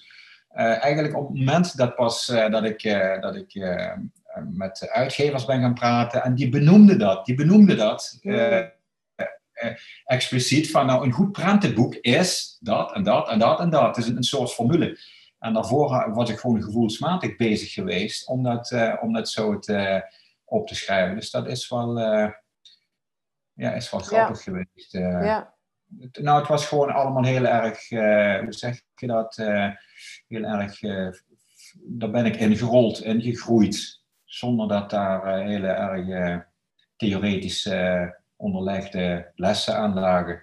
Ja, ja. ja. Ehm, als je dan eenmaal de tekst hebt en je gaat tekenen, hoe, uh, vraag van Anita, hoe zorg mhm. je ervoor dan, eh, of hoe, hoe bepaal je welke stukken tekst je gaat mhm. illustreren, waar je een tekening mee maakt en hoe zorg je ervoor dat het niet te veel. Praatje plaatje wordt? Ja, ja, ja. ja nou ja, deze vraag uh, die heb je mij ook al, al eerder gestuurd. Hè? En ik, ik, heb, ik, ik heb een soort opdeling in moeten maken, want er is gewoon een ontzettend groot verschil tussen het illustreren van geïllustreerde kinderboeken, waarbij gewoon heel veel tekst is. Hè. Ik noem het maar even, dat zijn de echte leesboeken. Hè. Dus dat zijn de kinderboeken met, uh, met, uh, op, op eh, kleiner formaat dan een prentenboek. Hè. En daar heeft een mhm. auteur heeft daar gewoon, uh, weet ik veel, 50.000 woorden voor geschreven. Ja, dat dus zoiets als Jungle Book bijvoorbeeld. Precies, ja. Jungle Book of De Kleine Prins. Dus da da daar staat de tekst, de, te de tekst staat gewoon al. Die is primair. De auteur, primair. De auteur heeft dat uh, geschreven, daar zit hart en ziel van de auteur in. En in principe verandert er helemaal niks meer aan die tekst. En dat betekent eigenlijk dat jij, nou ja, heel duidelijk die tekst moet volgen. Dus je, mhm. bent, je bent absoluut niet ondergeschikt aan de auteur, maar die tekst is leidend. En uh, dat is eigenlijk totaal anders dan bij prentenboeken. En ik, ik kom er zo meteen weer heel snel op terug, maar bij prentenboeken is het beeld en de tekst samen die het verhaal vertellen. En dat is complementair aanvullend. Dus, dus uh, in een prentenboek ga je eigenlijk steeds meer schrappen in de tekst, omdat je zoveel mogelijk in je beeld laat zien. Op het moment dat er in de tekst staat van het is een mooie dag, de zon schijnt, ja, dan moet het gedeelte van uh, de zon schijnt, moet geschrapt worden in de tekst. Want dat ga je laten zien in het beeld. Ja. dus dus uh, dan, dan, bij een prentenboek is het heel erg van een, een, een uh, complementaire, een, een aanvullend tekst en beeld zijn. Nou, moeten in evenwicht zijn. En dat is heel belangrijk. Bij, bij de geïllustreerde kinderboeken moet je feitelijk tussen de regels doorlezen. Dus je krijgt die tekst. Mhm. Eh, wat, wat ik dan vaak doe is, ik, ik, probeer, ik probeer een film in mijn hoofd te zien. Van wat de auteur heeft geschreven. Dus ik, ik ben eigenlijk regisseur. Ik zie die film voor me. En uh, uh, op het moment dat er een dialoog komt, hè, dus in de tekst, ben ik de, de cameraman die eigenlijk die eigenlijk hele verschillende standpunten om, om die karakters heen kan, kan draaien. En ik kan dan bepalen van oké, ik, ik, ik maak nu een stil uit die film die ik ga weergeven. Of ik kan een minuut later die film stopzetten en dan laat ik zien wat, wat die stil is. Hè? Dus, dus ja, ja. Uh, snap je wat ik bedoel? Hè? Ja. Ik, ik ben, ik ben een soort cameraman die, die in die wereld, die zich in die wereld begeeft van die auteur. En ik bepaal dan van oké, ja, dit laat ik zien, want het, het komt niet letterlijk voor in de tekst, maar het heeft wel enorm te maken met wat de auteur wil overbrengen. We zitten in die scène, we zitten, eh, we, zitten eh, eh, we staan in de tuin, bij dat huis, bij die boom, eh, maar ik bepaal nu wat ik laat zien, ja. niet de auteur. En dat, kan, dat, kan, dat kan zijn dat je, dat je dat je dus niet precies datgene laat zien wat de auteur schrijft, maar net iets wat ervoor gebeurt, of net iets wat erna gebeurt. Wat dus nieuw is als je het verhaal leest. Ja. En ja, soms kan het een hele leuke uitdaging zijn. Of, of je, je zou ook kunnen zeggen van er moet een soort van nonchalance over jezelf komen. Oké, ik lees die tekst en uh, je kunt me wat auteur. Ik ben nu, de, ik ben nu de, de, de autonome kunstenaar en ik ga eventjes bepalen wat, uh, wat ik ga laten zien. Uh, ik, ben hier, ik ben hier het mannetje van het beeld, of het vrouwtje van het beeld. En nu ga ik bepalen wat ik laat zien. En dat is een, een mate van nonchalance en die mag je permitteren. En dan weet ik zeker dat er een heel spannend samenspel komt tussen tekst en beeld. Wat andere mensen triggert zo van, wow, dat had ik niet uit de tekst gehaald. Maar ja, dat kan ook. En wow, dat is de mening van de, van de kunstenaar, van de illustrator. Ja. Uh, wat ik nu zie. Hoe verfrissend is dat en hoe, wat een toevoeging op het geheel. Ja. Dat is heel interessant om dat uit te, uit te vogelen, om dat, om dat uit te zoeken. Hè? Ja. Uh, maar uh, ja, en dat is, dat is eigenlijk gebaseerd op een soort van nonchalance. En wat ik vaak zie bij beginnende illustratoren is dat ze nou, nogal geïmponeerd zijn door de, door de tekst van de auteur. Dat ze denken van jeetje, wat is dit ontzettend goed en ik moet absoluut laten zien wat hier staat. Maar ja, je moet ook een beetje het zelfvertrouwen hebben. Dat jij niet, niet voor niks gevraagd bent om het boek te illustreren. Je, doet, je maakt bijzondere dingen. Je bent heel erg eigen en uniek. Nou, geef jouw eigen visie maar op die tekst. Ja, ja. En natuurlijk, natuurlijk zit je nog altijd binnen, binnen een bandbreedte. Hè. Je moet niet te veel gekke dingen doen, want dan, dan, eh, dan sla je de, de, dan, uh, dan, uh, sla je de boot mis. Uh, maar um, daarbinnen, daarbinnen is heel veel mogelijk. Ja, en, en heb je dan tussentijds ook nog veel overleg met de schrijver van een verhaal? Ja, ja dat, dat, dat kan. Maar ik, ik moet zeggen, nou ja, dat ik ondertussen, vroeger was dat wel nog wel eens zo, maar ondertussen laten ze mij met rust. Zo van, uh, ja, volgens mij weet hij het wel. En volgens mij snapt hij het wel. En volgens mij moeten we hem absoluut met rust laten. En komt hij met, komt hij met dingen die ja, waarschijnlijk goed zijn. Of waarschijnlijk uh, ja. inderdaad tussen de regels door. En, en dat. Ja. Maar het kan inderdaad zijn, kijk, als er illustratoren zijn die wel gewoon intensief contact hebben met de auteur, is dat ook heel normaal, hè? Ja. Dat is heel normaal, hè? Dat je daarover heen en weer babbelt. En uh, dat mag je bespreken. En als je je onzeker voelt over sommige dingen, ja, dan moet je dat. Uh, maar nou, sterker nog, dan zou ik dat met de uitgever bespreken en zelfs niet met de auteur. Ja, ja, ja. De, ja dat snap ik. Ja. Ja. De uitgever staat daar eigenlijk als, uh, als onpartijdig persoon tussen. Ja. Kijk, de, de, de, de, auteur zou je, nog, zou je nog te veel kunnen meedelen van ja, maar ik wil het zo. Nee, de mhm. uitgever staat daar eigenlijk als uh, autonoom persoon tussen. Dus mocht je vragen hebben, dan zou ik me richten naar de uitgever. Ja. Wat, ik nog, wat ik nog wil toe, toevoegen hieraan, um, je kunt wel heel romantisch denken van nou, ik ga hier een leuke tekening maken en ik ga bij dat stukje tekst een tekening maken. Kijk, soms is het ook gewoon zo de opdracht dat jij van de uitgever krijgt te horen van oké, dit, is dit is het manuscript van de auteur. We willen tien illustraties in het boek hebben. En dan is het aan jou dat die tien illustraties, die moeten heel, heel erg goed verdeeld worden over het hele boek. Mhm. Dus je kunt wel denken van, ja, in, in het eerste hoofdstuk is het ontzettend interessant om dat allemaal bij elkaar te gooien. Dat, dat, dat zijn prachtige tekeningen te maken. Maar dat moet je skippen, want uh, die tien illustraties moeten gewoon heel zakelijk verdeeld worden over het boek.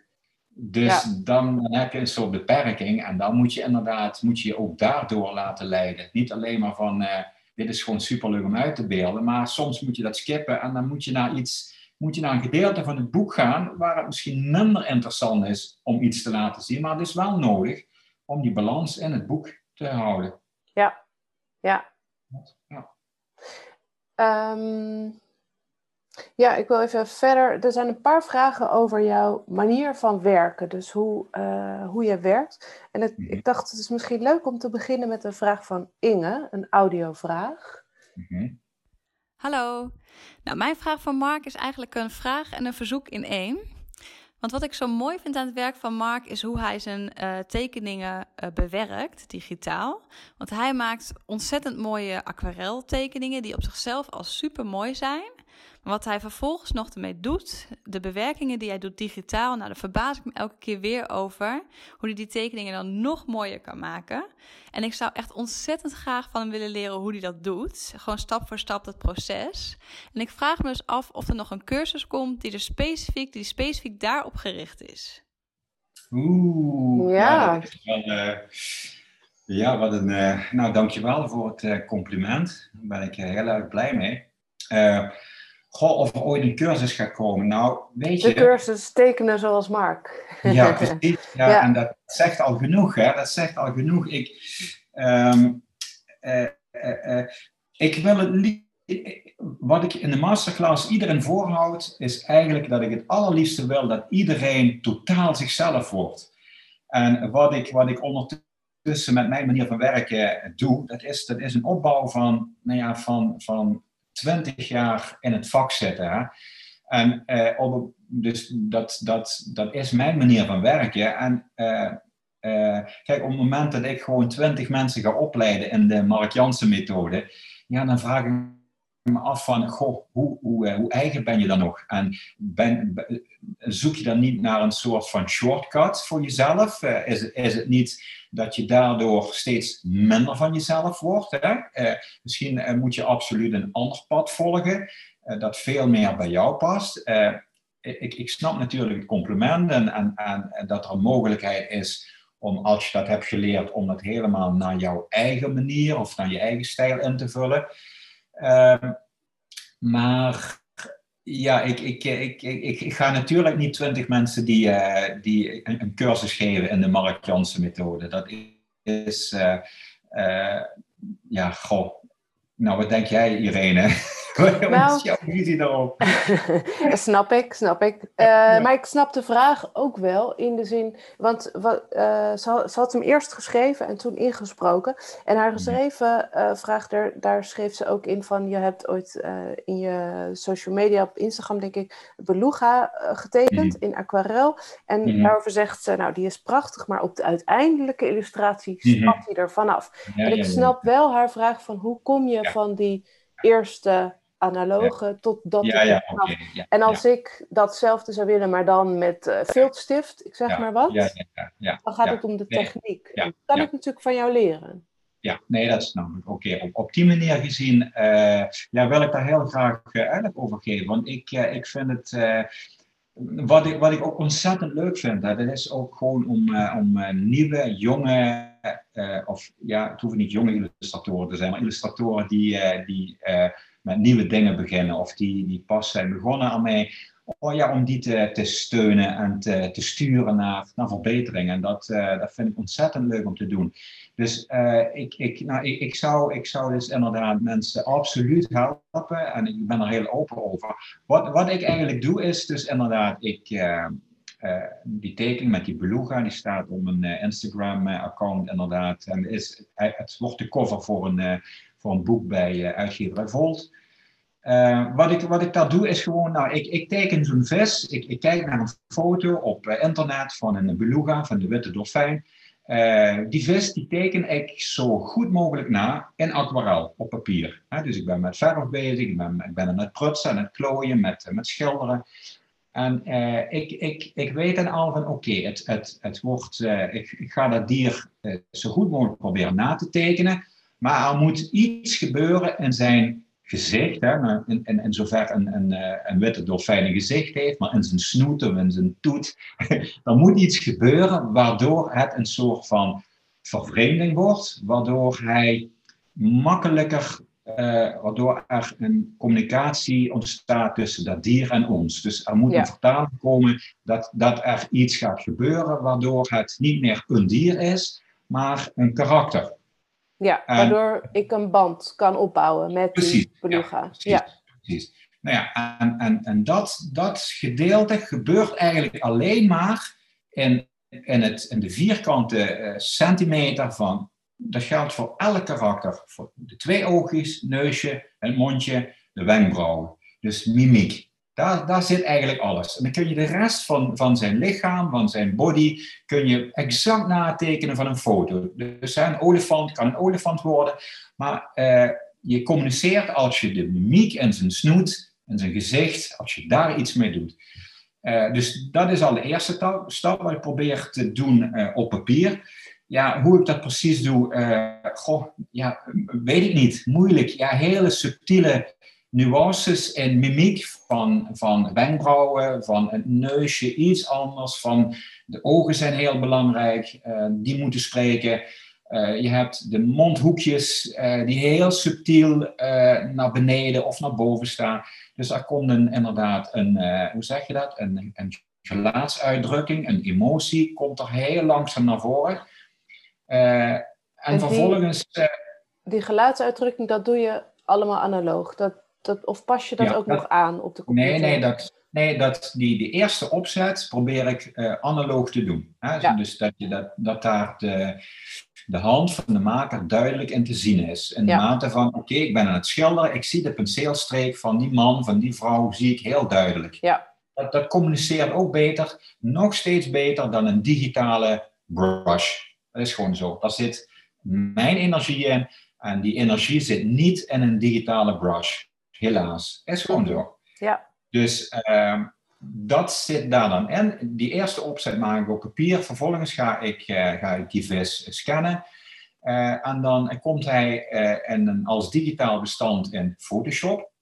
En wat ik dan vervolgens doe, is dat ik met een aantal lagen over elkaar heen, dus ik, ik combineer verschillende lagen in Photoshop, die in een combinatie met elkaar blijkbaar iets bijzonders laten zien. En eh, die lagen die staan in verschillende filters. Dus ik heb, ik heb allerlei lagen van structuren.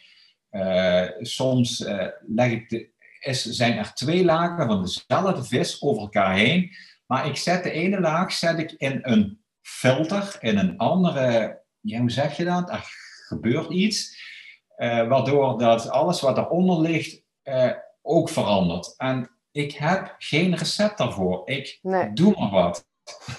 ik doe maar wat. Ik, ik, ik, ik klooi maar wat aan. Ik probeer, ik zoek, ik, ik, ik doe heel veel moeite om het vervolgens niet eh, digitaal uit te laten zien. Dus er zit echt heel veel werk in dat ik zit te poetsen en te schuren en te schaven om al dat digitale weer weg te poetsen. Want Ja. Eh, als, je die, als je die lagen in elkaar, eh, op elkaar legt en eh, je maakt er één prent van en je doet er niks aan, zie je gewoon van oké, dit is gewoon een digitale prent bestaande uit vier verschillende uitgeknipte lagen schil, schildering. Ja. Nou, wat ik doe, en ik denk dat deze vraag daar ook over gaat, is dat ik gewoon ontzettend veel lig te poetsen, lig te klooien, aan de schuifjes zitten trekken, om dat er zo analoog mogelijk uit te laten zien. Ja, zodat ik de lezer voor Ja. de gek kan houden. Dat ik de lezer kan doen geloven, die man heeft dat gewoon in één keer geschilderd. Ja, Mhm. dat is de kunst. Daar, daar, dat gebeurt er eigenlijk. En ik doe dat met niks anders dan eh, met, met verschillende lagen eh, om die in verschillende filters te zetten. En eh, ja, ik heb er geen, nogmaals geen recept voor hoe ik dat doe. Dat is, dat is gewoon aldoende en dat mislukt. En dan hebben we, oké, terug naar eh, stap 1 en vervolgens wel. En ik, ik leg daar een andere laag overheen. En op een gegeven moment is het stop, klaar, niks van doen. Want alles wat ik daarna nog meer doe, gaat er te veel digitaal uitzien. Ja. Ja, en je- zo... Het is wel grappig wat je zegt, dat je dus per. ehm, eh, volgens mij nam je net een vis als voorbeeld, dat weet ik nou niet helemaal meer. Maar dat je dus. Je hebt dus bijvoorbeeld een vis getekend en dat je die dus in een aparte laag en daar een apart filtertje voor dat ene visje. En dat doe je dus voor alle misschien 30 visjes in die tekening. Als ik het goed begrijp. En dan Eh, daar nee, overheen nee. komen ook weer. Eh, Nee, nee, ja, nee, wat ik net zeg, dat is soms wel zo, soms niet zo. Dus die, eh, ja, die vis die kan ik zeg maar gewoon erin plaatsen zoals hij is. Mhm. Maar als ik bijvoorbeeld de achtergrond ga bewerken of ik ga er eh, een totale laag overheen leggen. ehm, als ik die laag die ik daar bovenop leg, als ik die weer in een andere filter zet. Wat, wat, Ja. wat doet het dan aan de kleuren eronder? Wat doet het Ja. dan met de vis zelf? Dus alles heeft eh beïnvloedt elkaar. Een relatie En- met elkaar. Ja, Ja, ja. precies. En, Ja, en dat is gewoon een cocktail. Ik, ik, ik, kan, het, ik, kan, het niet, eh, ik kan het niet tegen Enge zeggen van nou, zo moet je dat doen. En dat is, de, dat is het recept om tot, tot zo'n illustratie te komen. Het is vooral eh, heel veel uitproberen. Ja, ja, heel veel uitproberen. En, Ja. en zorgen dat het gewoon niet te digitaal uitziet. Want dat, dat is gewoon ontzettend lelijk. Ja. Ik heb, Ja. ik heb, nog, ik heb nog een tip, eh, een toevoeging hierop. Kijk, al, één op één werken is ook wel heel erg lekker. Want als jij denkt van, nou, oké, ik heb de vis getekend, maar de achtergrond is een aparte laag. Mhm. En die aparte laag, dat is een stukje van eh 3 bij 3 centimeter. Hè? 3 bij 3 centimeter. En die laag die ga ik ontzettend opblazen. Als ik die vis die ik één op één heb getekend tegen die achtergrond ga plaatsen. En je ziet gewoon dat, dat, een, dat die achtergrond enorm is opgeblazen, is ingezoomd. Ja. Ja. dan krijg je een discrepantie tussen hoe de vis geschilderd is en hoe de achtergrond geschilderd is. Ja. En dan zie je gewoon nou, dit kan never nooit niet uh, analoog geschilderd zijn. Want ik zie gewoon dat die achterste laag in een totaal andere verhouding uh, is gescand. Dus zorg dat alles één op één geschilderd is, zodat als je het allemaal gaat samenvoegen, dat de, de viewer, dat de, dat de, de lezer, uh, nou, gelooft dat het gewoon één prent is, die gewoon in één keer is geschilderd. Ja. Dus het zijn allemaal kleine uh, tipjes die je kan, die je kan, uh, kan geven. Ja, mooi. Ja. Nou, duidelijk. Ja, tenminste ja. duidelijk, hè, voor zover dat, uh, dat het kan zijn. En dan ehm, vroegen een paar mensen nog echt naar, heel, heel praktisch, van waarmee scan je, welke materialen gebruik je. Dus heb je wat merken of wat Welk, welk merk aquarelverf bijvoorbeeld? Welk merk scanner heb jij? Ja, ja. ja goed. Nou, ik, uh, ik, ik werk op uh, heel mooi aquarelpapier. En oh, ik moet je bekennen, Steinbach. Volgens mij Steinbach papier heb ik. mooi dik papier. Daar zit een niet te, dus daar zit wel een verlijming in. Hè? Dus dat wil zeggen dat je niet te veel van die bloemkolen krijgt als, het, als de aquarel opdroogt. Mm er zit niet te veel structuur in het papier, dus behoorlijk glad. Dus het, het, eh, het, uh, je krijgt er niet van die, van die grove uh, korrels in, hè? dus alles behoorlijk glad.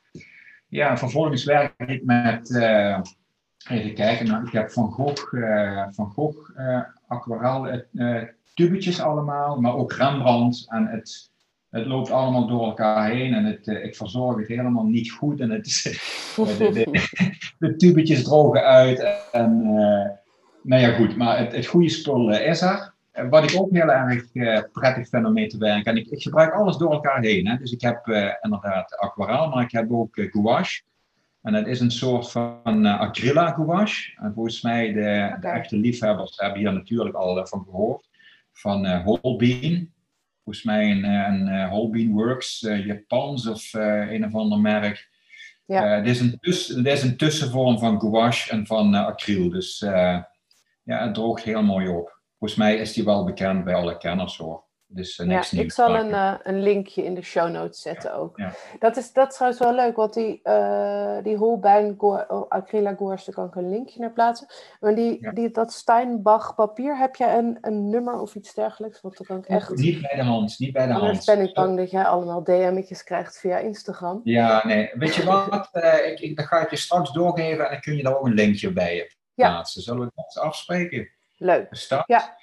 Nou ja, en uh, ik, ik, scan, ik scan mijn werk met een, uh, met een Epson uh, fotoprinter, scanner, sorry, fotoscanner. Mm -hmm. en ik heb de V750, maar die is ondertussen al ingehaald door de V850. Dat heb ik al, heb ik al opgezocht. Het is een hele goede scanner, A4-scanner van rond de 750 euro.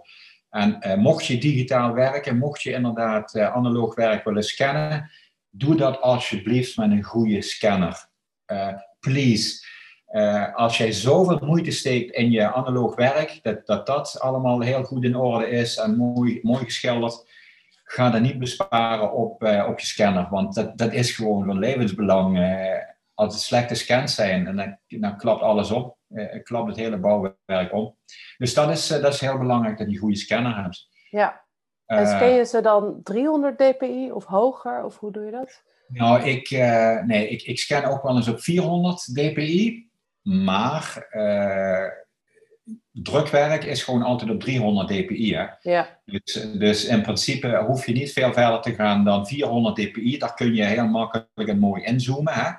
Maar je moet toch alles weer terugvoeren naar die 300 dpi op het moment dat het een boek, uh, boek gaat worden. Op het moment dat het naar de, naar de drukkerij gaat. Ja. Dus ja, je hoeft, wat mij betreft, hoef je helemaal niet op 600 dpi of 1200 dpi te scannen. Het, doet er allemaal niet toe. Het wordt toch maar gedrukt op 300 dpi. Wat ik wel een goede tip vind, en misschien heb ik die ook al de vorige keer uh, uh, uh, aangegeven in de, in de vorige podcast, um, dat je op het moment dat je van tevoren al weet van oké, okay, het gaat een boek worden, het wordt een publicatie, het moet gedrukt worden in CMYK, begin ook te werken in CMYK. De allereerste scan komt binnen in RGB.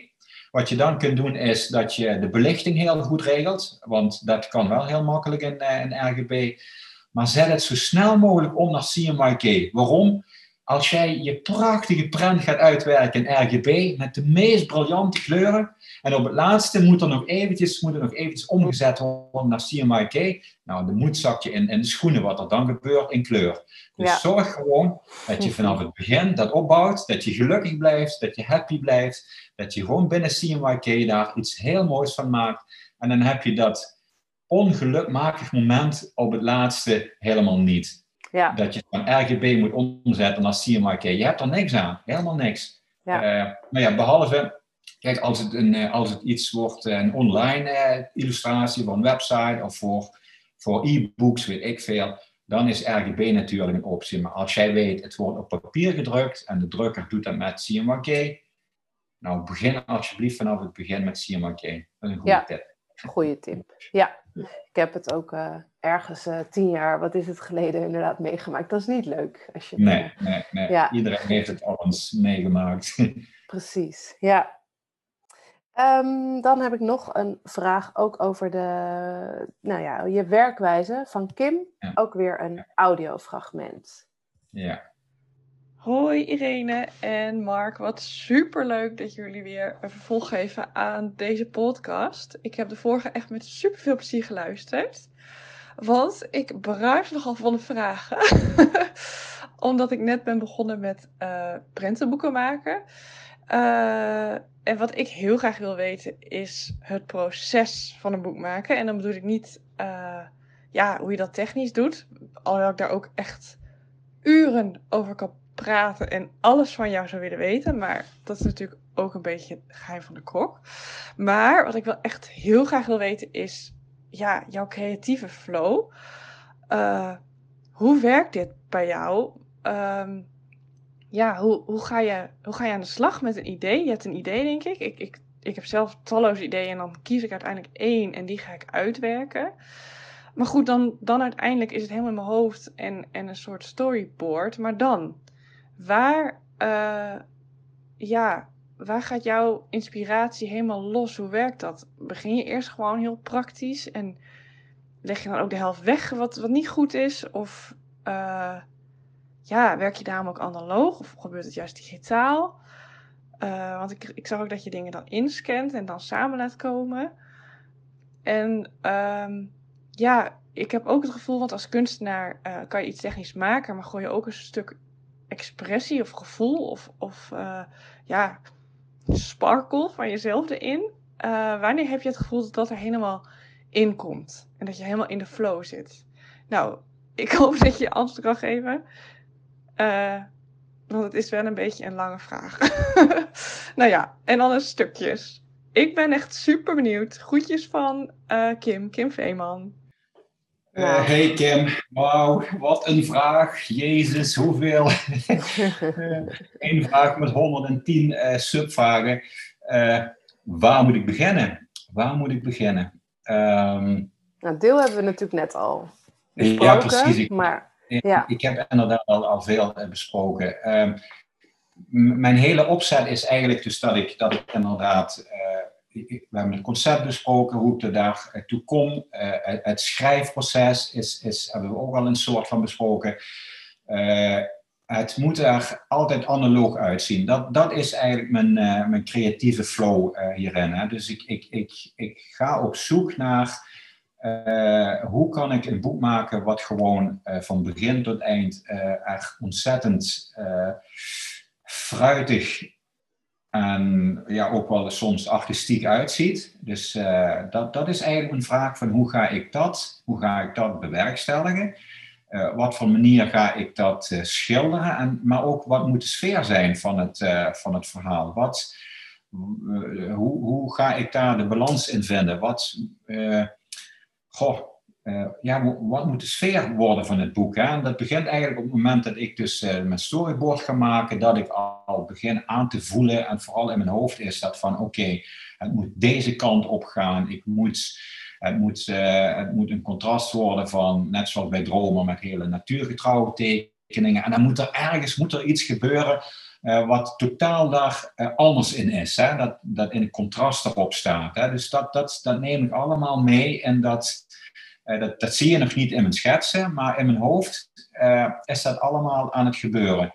En op het moment dat ik eigenlijk begin aan het fysieke tekenen, heb ik wel inderdaad dat hele boek al in mijn hoofd. Dus ik, ik weet inderdaad dat dit mijn opbouw is in het begin. En dat ik op het einde ja, daar moet uitkomen.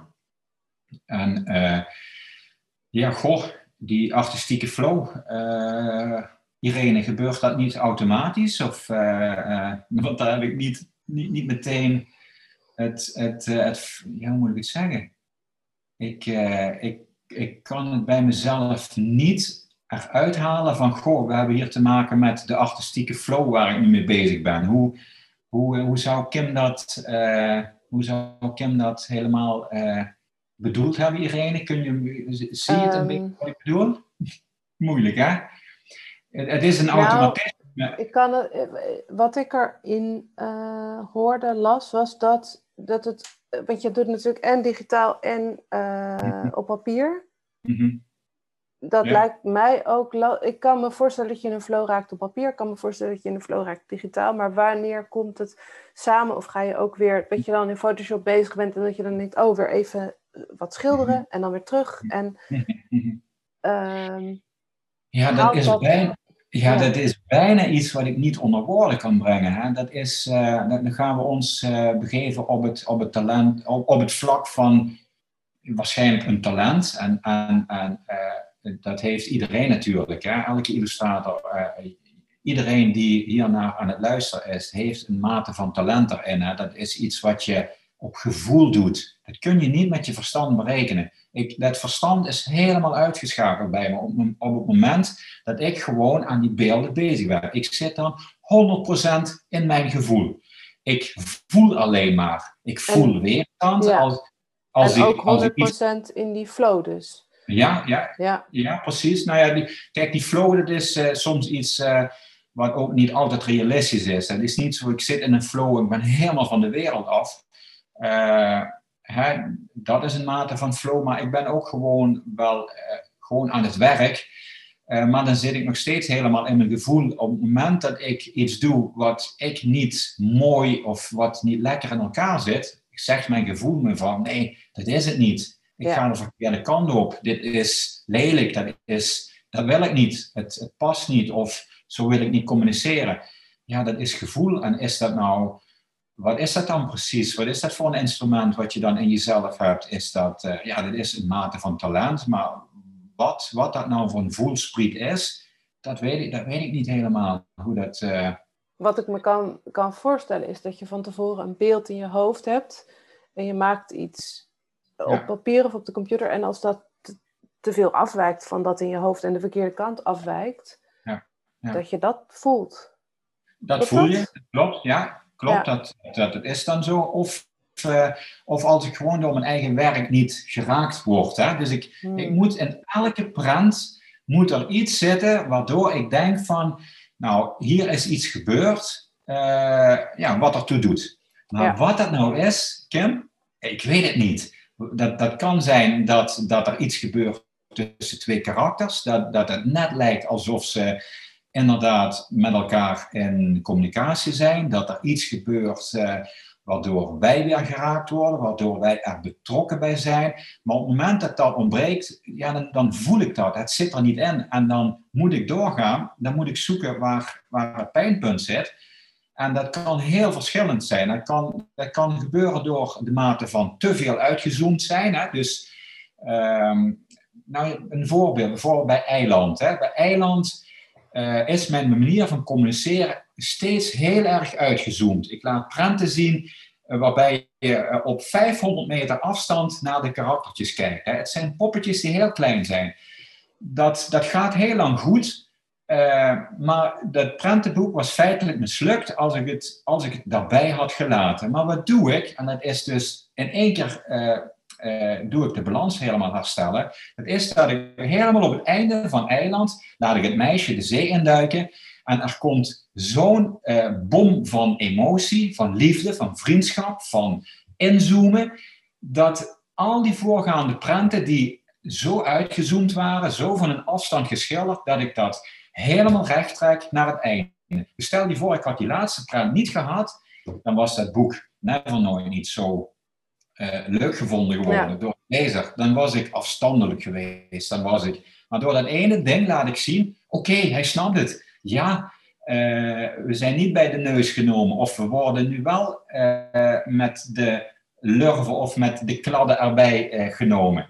En ja, dat, dat is iets wat ik, ja, dat is zo dat is puur op gevoel gebeurd. Hè? Dat is niet verstandelijk uh, berekend of uh, ja, achteraf kan ik dat wel zeggen, het komt allemaal heel goed uit en zo. Maar dat is iets wat er moet gebeuren en dat, dat lijkt ook dat ik in die voorgaande prenten die afstand mag behouden. Ja. En zo zit, het, zo zit het in één prent, maar zo zit het ook in de balans van een heel prentenboek. Dus in één prent moet die balans er zijn, in één prent moet je mensen erbij betrekken. Hoe, dat, hoe je dat doet, kan ik niet uitleggen. Kan ik niet uitleggen waar dat dan precies in zit. In sprankeling, in de mimiek van een, van een gezicht, in een, in een accent waardoor dat je daar naartoe wordt gezogen. Of, maar ook inderdaad uh, ja, in het geheel van, van het boek. Uh, een heel wazig antwoord, of niet? maar, ja, ja, ja, ja, nee, ja. Ja, ja, ik, ja ik, we begeven ons gewoon op het pad van, op, op, op het pad van, van kunst, van voelen, van... En ik denk, ik denk dat, uh, ja, dat we daar echt een boom over zouden kunnen opzetten. Om dat wel inderdaad met verstand te beredeneren. Maar ik, ik heb er op dit moment moeite mee om dat te benoemen wat het nou precies is. Het is een gevoel en... Uh, mm -hmm. Ja, het is een sprankeling die... Uh, ja, en ik, ik, per prent ga ik wel door totdat dat wel gebeurt. Hè? Want anders wordt een prent voor mij nog niet goedgekeurd. Hè? Er moet iets zijn waardoor het wel gebeurt. Ja, ja. En, uh, en waardoor je, als jij het als maker voelt, dan is de kans groot dat wij het als lezers absoluut, ook voelen. Ja, absoluut. Ja, Dat is het vertrouwen wat je moet hebben. Als jij het voelt, uh, voelen anderen het ook. Altijd. Weet ik zeker. Ja. ja. En niet, niet uh, en, en uh, wat ook een mooie is, als andere mensen het zogenaamd wel zien, maar jij voelt het niet, dan ontbreekt er iets. Dan zou ik toch nog even teruggaan naar die prent of naar dat boek of naar dat detail. Jij moet er mee, uh, jij moet het voelen, punt. Ja. Altijd. Ja. Ja. ja. maar dat is, uh, dat is, dat, het is, het, is, het is vaag en niet vaag. Dit zijn ook dingen die je niet heel erg in een nee. formule kunt vatten. Het gaat over intuïtie en over voelen. Ja, precies. dat, eh, ja. Maar ik denk wel dat we dat, dat, dat we dat uiteindelijk allemaal kunnen. Absoluut, ja, dat zit, In, zit in ons allemaal. We zijn, volgens mij iedereen die nu naar de podcast luistert, dat zijn allemaal uh, gevoelsmensen. Wij, dat, dat zijn de mensen, dat zijn de dromers. Dat zijn de, de mensen die, die ontzettend met emotie en met gevoel bezig zijn. Uh, als dat niet zo is, kun je echt geen illustratie maken, kun je geen tekst schrijven, kun je geen muziek maken, kun je niet dansen. Wij zitten in die hoek. En volgens mij iedereen die dit nu hoort, voelt wat ik bedoel. Alleen ik, ik heb moeite om het heel erg uh, uh, verstandelijk uh, uit te leggen wat dat nou precies, wat dat nou precies is. Ja. ja, ik denk dat het duidelijk is zo. Ja. ja. ja. Even weer een stapje verder. Dus we hebben het nu gehad over hoe schrijf je je boek, hoe teken je je boek en dan hoe ga je naar een uitgever. Um, twee vragen van Stephanie en Debbie, die um, eigenlijk heel concreet vragen van hoe hoe ga je uh, je boek aanleveren? Dus welk formaat? Uh, ja. uh, moet je met bepaalde afstanden uit de rand blijven of juist ja. eroverheen gaan? Dat denk ik dan eigenlijk. En vervolgens, hoe leg je contact met uitgeverijen? Wat stuur je op? Ja, ja dat is gewoon een heel, daar kan ik een heel helder antwoord op geven. En in tegenstelling tot het vorige antwoord. nou ja, het. Um, als jij een prentenboek wil maken, dan, uh, en je, je, je zit op het punt van, uh, van uh, zelfs al op het punt van een storyboard maken, dan moet jij al weten op welk formaat jij je prentenboek wil maken. En het is gewoon heel simpel. Jij, jij moet gewoon een, een, een ander prentenboek dat jou enorm aanspreekt qua formaat, moet jij, nee dat moet je niet, dat kun je overnemen. Dus ik, ik zou in een bibliotheekje of in een kinderboekwinkel of, of in je eigen boekenrek, zou ik gewoon eens een prentenboek uh, uit, uit de rek uh, pakken en denken van nou, wat vertelt me dit, dit formaat? Uh, is, dat, is, dat, nou, is dat prettig om te tekenen? En niet alleen de cover, maar klap het boek ook eens open, want hè, het gaat feitelijk om de spreads, niet om de cover, maar om de spreads, om die te vullen. Mhm. en die maten, die kun je gewoon één op één overnemen. Dat zijn gewoon formaten die in de drukkerijen standaard formaten zijn. En dat kan heel verschillend zijn. en die kun je één op één overnemen. En op het moment dat jij denkt van oké, ik ga een mooi vierkant prentenboekje maken, ga je gewoon werken op die formaten. Dus dat is zoveel eh, centimeter breed, zoveel centimeter hoogte. En als je gaat uitwerken, uh, ik zou het storyboard of je dummy zou ik al één op één schetsen, zodat je heel goed feeling krijgt van oké, dit is het gevoel. Uh, de poppetjes moeten zo groot worden, de boompjes, de huisjes moeten zo groot worden dat je dat gevoel al hebt. En mocht je op het punt komen om uit te gaan werken, dan moet je inderdaad, uh, als je analoog gaat werken, zou ik, dus uh, dan houd je dat formaat aan. Maar je schildert tot 1 centimeter over de rand. Dus er komt een, een, een rand omheen van 1 centimeter. En waarom is dat belangrijk? Nou, bij een, als je die tekeningen gaat inleveren, uh, dan wordt zo'n boek opgemaakt en in de drukkerij, dan worden dat grote drukvellen. En een, een, grote snijmachine die hakt dan heel precies het boek in het juiste boekblokformaat. Hè? En die snijdt dan gewoon jouw tekening heel netjes af. Maar als jij te kort op dat randje zit, zou het wel eens zo kunnen zijn dat je gewoon, nou, dat je ziet waar jij gestopt bent met schilderen. Dus je moet gewoon lekker een centimeter over de rand blijven doorschilderen. En dan zit je gewoon altijd goed. Hè? Op het moment dat, dat, dat, het, dat het boek eh, wordt, wordt gesneden, dan zit je altijd safe. Dan zijn er nergens uh, dingetjes die, uh, die laten zien dat jij niet netjes uh, op het formaat hebt gewerkt. dus dat. het kan zo zijn, kijk, op het moment dat het digitaal wordt gemaakt, kan een uitgever kan je tekening altijd 3 of 4 procent vergroten. Dat is, dat is ook geen probleem, snap je? Mhm. maar, de uitgever, maar de uitgever kan jouw tekening niet eh, 20% vergroten, want dan krijg je gewoon een hele lelijke lijnvoering of een hele lelijke brush. Ja, dat is allemaal super lelijk. Dus probeer één op één te werken. Goeie tip. Ja. Uh, hoe lever je zoiets aan bij de uitgever? Als je een uh, concept hebt, dan ga je dat uitschrijven naar je tekst. Die tekst is helemaal goed uitgeschreven in een Word-bestand. Dus mhm. jij gaat daar je stinkende best op doen, zodat het niet meer beter kan. Dat is punt 1, dat is je tekst. Vervolgens heb je een storyboard op uh, formaat van je prentenboek. Het is gewoon een losse schets. Hè. Je storyboard is gewoon los schetsen. Je gaat je niet verliezen in details. Het is allemaal verloren energie. Gewoon, dit is mijn dummy, één op één geschetst. Pakketje papier. Zo ziet mijn boek eruit, in schets, met potlood. En je hebt een stuk of twee, drie, hoogstens vier uitgewerkte tekeningen. En niet meer dan dat. En dat is je pakketje wat je aanlevert bij de uitgever. Ja. Uh, en dat mag, dat mag uh, als PDF. Uh, je gaat geen, je gaat geen uniek werk opsturen, op dus geen, geen origineel werk. Dat doe je niet. Mm Dus zorg dat je mooie prints hebt jij moet gewoon altijd je, je origineel werk thuis houden. Daar mag niks mee gebeuren. Dus alles wat je opstuurt is of digitaal in PDF of JPEG, weet ik veel, mooie presentatie, of een mooie print of zo.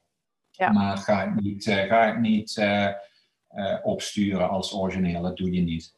Nou ja, en hoe, ga je, hoe zoek je uitgevers op? Ja, heel simpel. iedereen in Nederland en België heeft favoriete uitgevers en de, de adressen zijn bekend. De uitgevers staan op, uh, op internet. Uh, zoeken maar en werk opsturen. op de website van een uitgever staat een, een mailadres. ja, stuur het maar op. En jezelf goed voorstellen hoe, wie je bent, wat je doet en wat je wil.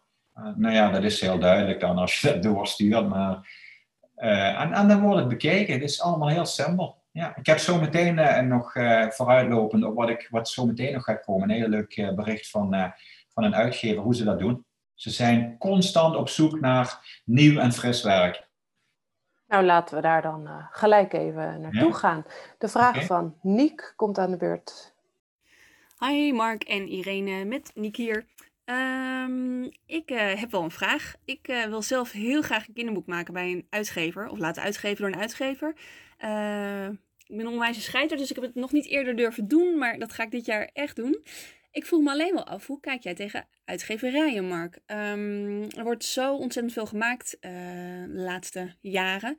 En als ik denk aan al die boeken die zo snel vervangen worden in de boekwinkels en ehm, ook wel aan de, nou ja, misschien wel dat de markt redelijk verzadigd is met illustratoren en schrijvers. Uh, dus uitgeverijen hebben ook wel heel veel keus, um, waardoor ze misschien minder goede voorwaarden kunnen, kunnen geven. Um, ik vroeg me af, hoe zie jij de toekomst? Denk jij dat uh, de kinderboeken op deze manier gemaakt blijven worden of dat dat uh, heel anders gaat worden? Ik hoor het heel graag. Succes en veel plezier. Doei! Nou, hoi Nick, leuke, leuke vragen. Um, ik, heb er, ik heb er absoluut eventjes over moeten, moeten nadenken ook. Uh, over een aantal zaken. Hoe zie jij de toekomst en hoe kijk je tegen je uitgeverijen aan? Nou, die, die, die laatste vraag is best wel een interessante vraag. Ehm, ik kijk absoluut heel erg positief tegen uitgeverijen aan. Het, als het goed is, zijn het je vrienden. Je moet, je moet, we, hebben ze nodig. Hè? Het, zijn, het zijn hele gespecialiseerde bedrijven die alle know-how in huis hebben om jouw boek uh, feitelijk uh, aan de man te brengen. En dat, dat is eigenlijk wat je, wat je heel graag uh, wil hebben. Ik, ik, misschien dat ik het zelf een beetje invul, hè, maar ik, volgens mij ga je ook een beetje naar de richting van self-publishing. Wat ik daar dan weer van zou vinden. Hè? Toch, Irene? Dat is ook mm -hmm. tegenwoordig een mogelijkheid. Hè? Ja. Nou, nou het, het is eigenlijk gelijkwaardig aan elkaar met een, een nou, niet gelijkwaardig met elkaar. Ik geef absoluut de voorkeur aan de, aan de uitgeverijen zoals wij die eigenlijk uh, al langer kennen. Self-publishing vind ik, uh, daar, zit, ja, daar zit wel een heel interessant verdienmodel uh, aan. op het eerste blik lijkt dat heel erg interessant te zijn. Totdat je echt serieus dat geld binnen hebt en alles zelf moet gaan doen. En dan kom je er toch al heel snel achter dat het uh, misschien wel eenmalig een ontzettend leuk project is om, uh, om uh, je vrienden en je kennissen en daar nog, nog, zeg maar nog één bandbreedte verder om die aan, een, aan jouw, boek, jouw boek te kunnen, te, te kunnen verkopen. Maar vervolgens zit er ontzettend veel werk aan wat jij zelf moet doen. En dat, dat nou, onderschat dat niet. En ik, ik weet zeker dat de mensen die inderdaad nu aan het luisteren zijn, het zijn allemaal creatievelingen die het allergelukkigste zijn als ze gewoon met een, hun, hun, hun blaadje en met een potje verf bezig zijn en dat ze kunnen creëren. En op het moment dat jij self-publishing gaat doen, je boek zelf gaat uitgeven, dan gaat zo ontzettend veel bij komen kijken. Uh, dat, je, dat je gewoon een heel jaar volgens mij van de WAP uh, af bent. En uh, dat, je, dat, je, dat je denkt van nou poepoe, dat had ik van tevoren absoluut niet voorzien. Ik denk ook dat dat, want ik weet toevallig dat Nick al een boek zelf gepubliceerd heeft. Dus ja, dat dus, zal de aanleiding dus, zijn nu. Oké, okay, precies, precies. Nou ja, en, en dan zou ik best wel eens met haar willen horen hoe dat nou eigenlijk, en dan heel eerlijk, hoe dat haar is bevallen ja, dat kan één keer heel erg goed bevallen, maar ik vraag me soms af van oké, maar gaat je dat ook uh, een tweede keer lukken of met crowdfunding of uh, ja, ik, ik zie er geen, ik zie, ik zie op dit moment niet in hoe jij een carrière zou kunnen uitbouwen door boeken zeg maar helemaal zelf uit te geven. Dus dat is eigenlijk één punt van de, de zaak. Ja, ik ben ontzettend blij met mijn uitgeverij, want uh, dan, dan, dan, bouw je toch een soort, uh, een soort van band mee op en zij, on, zij ontnemen al het gedoe van jou. Ze, hebben, ze, gaan, ze, ze doen redactie. ze doen, dus als ik een tekst schrijf, nou die tekst die is gewoon nog helemaal niet goed in eerste instantie. Hè. Ik heb dat al geschreven, maar daar zitten spellingsfouten in, daar zitten zinsbouwfouten in. absoluut hun visie daarop is van heel groot belang. Vervolgens uh, de vormgever, die dan nog eens met zijn eigen visie overheen gaat. Vervolgens uh, het hele drukproces. Vervolgens uh, de, alle contacten met de boekhandels, met de winkels, met, met, met de online verkopers. Met, vervolgens de foreign rights, hè? dus de, de, de mensen bij de uitgeverij die dan proberen het boek te verkopen aan buitenlandse uitgevers. Die contacten die zijn opgebouwd uit jarenlange uh, ja, uh, ja, contacten opbouwen hè, met, met andere uitgevers. Dus dat is iets wat gewoon ontzettend belangrijk is. En ik ga voor 100% ga ik gewoon voor de bestaande vorm. met een kritische noot. Maar goed, ik, ik, ik voel me niet, ik, ik, ik voel me niet op dit moment capabel om er iets aan te doen. Met die kritische noot dat, dat als ik bijvoorbeeld mijn prentenboek in de kinderboekwinkel zie staan en iemand loopt ermee naar de kassa, dan uh, denk ik van hoera, er is weer een boek van mij verkocht. Maar als ik dan uh, weet, wat andere mensen niet weten, dat ik als auteur en als illustrator zit ik op de verkoopprijs van dat boek, ontvang ik 10%. Dus als mijn prentenboek verkocht wordt voor 15 euro, dan weet ik, er is één boek verkocht, maar op dat moment heb ik 1,50 euro verdiend aan die verkoop. Ja. En dat is de enige kritische noot waarbij ik denk van, oh jeetje, maar die andere 13,50 euro, waar gaat dat dan naartoe? Ja, uh, dat is een systeem wat al langer uh, wordt gevoerd. En ik, uh, ik weet niet of dat kan veranderen, maar het is gewoon een verdeling van de kinderboekwinkels krijgen daar een percentage op. er gaat een percentage naar de drukker, er gaat een bedrag naar de mensen van de uitgever. En het is gewoon soms een gevoel van jeetje, ik heb er zeven maanden aan gewerkt en het boek wordt nu verkocht. En aan dat ene exemplaar heb ik dus 1,50 euro verdiend. En stel je voor, je bent alleen maar illustrator, dan is dat 75 cent. Dus als je daar te mhm. lang over na gaat denken, dan word je gek. Maar goed, eh, eh, het is me alles helemaal uitgelegd. En dan denk je van, ja oké, ik snap het. Eh, dat kost zoveel, dat is zoveel. Dat kost zoveel. Het opslag van de boeken en het Centraal Boekenhuis kost, kost handenvol met geld. Op het moment dat je dan de boekenprijs gaat verhogen, stel niet 15 euro, maar 20 euro, 25 euro, wordt je boek minder verkocht. Of wordt je boek niet verkocht. Ja, dat is een afweging. Uh, dat is heel erg ingewikkeld. Het is een heel groot systeem. En uh, nou ja, ik weet het niet hoe dat veranderd zou kunnen worden. Uh, dat is hoe het nu, hoe het nu gaat. Dus als jij gewoon aan de prentenboeken wil verdienen, dan moet je die boeken gewoon goed, goed verkopen. Dat, ja, daar komen we gewoon op een heel interessant punt uit. En wanneer dat wel of niet is, dat, ja, maar ja, je hebt daarentegen ook niet die begininvestering. Want als je uh, je eigen boek wil laten drukken, dan heb je natuurlijk in eerste instantie een hele hoge investering. Je hebt allemaal boeken onder je bed staan. Uh, die jij dan uh, je eigen stadje door moet fietsen. Ja, dus nogmaals, ik, kies, ik kies met alle liefde nog steeds voor, voor de, de uitgeverijen zoals dat nu is. Uh, absoluut, want ik wil gewoon uh, mooie dingen maken. Ik wil tekenen en schilderen en boeken bedenken. En helemaal niks te maken hebben met al dat zakelijke gedoe. En laat hun dat maar doen. Maar ja, de conclusie is wel dus dat je, nou ja, dat, dat je zo'n uh, royaltyverdeling krijgt op de verkoop van, van een boek. Ja. En dat, ja, dat, is, dat is zoals het nu gaat. maar, nou ja, dus dat, dat blijf ik nog altijd geef ik de voorkeur aan, uh, aan de uitgevers uh, zoals dat nu gaat. Ja. Nick vraagt ook van hoe ik de toekomst zie. Die zie ik best wel uh, positief tegemoet.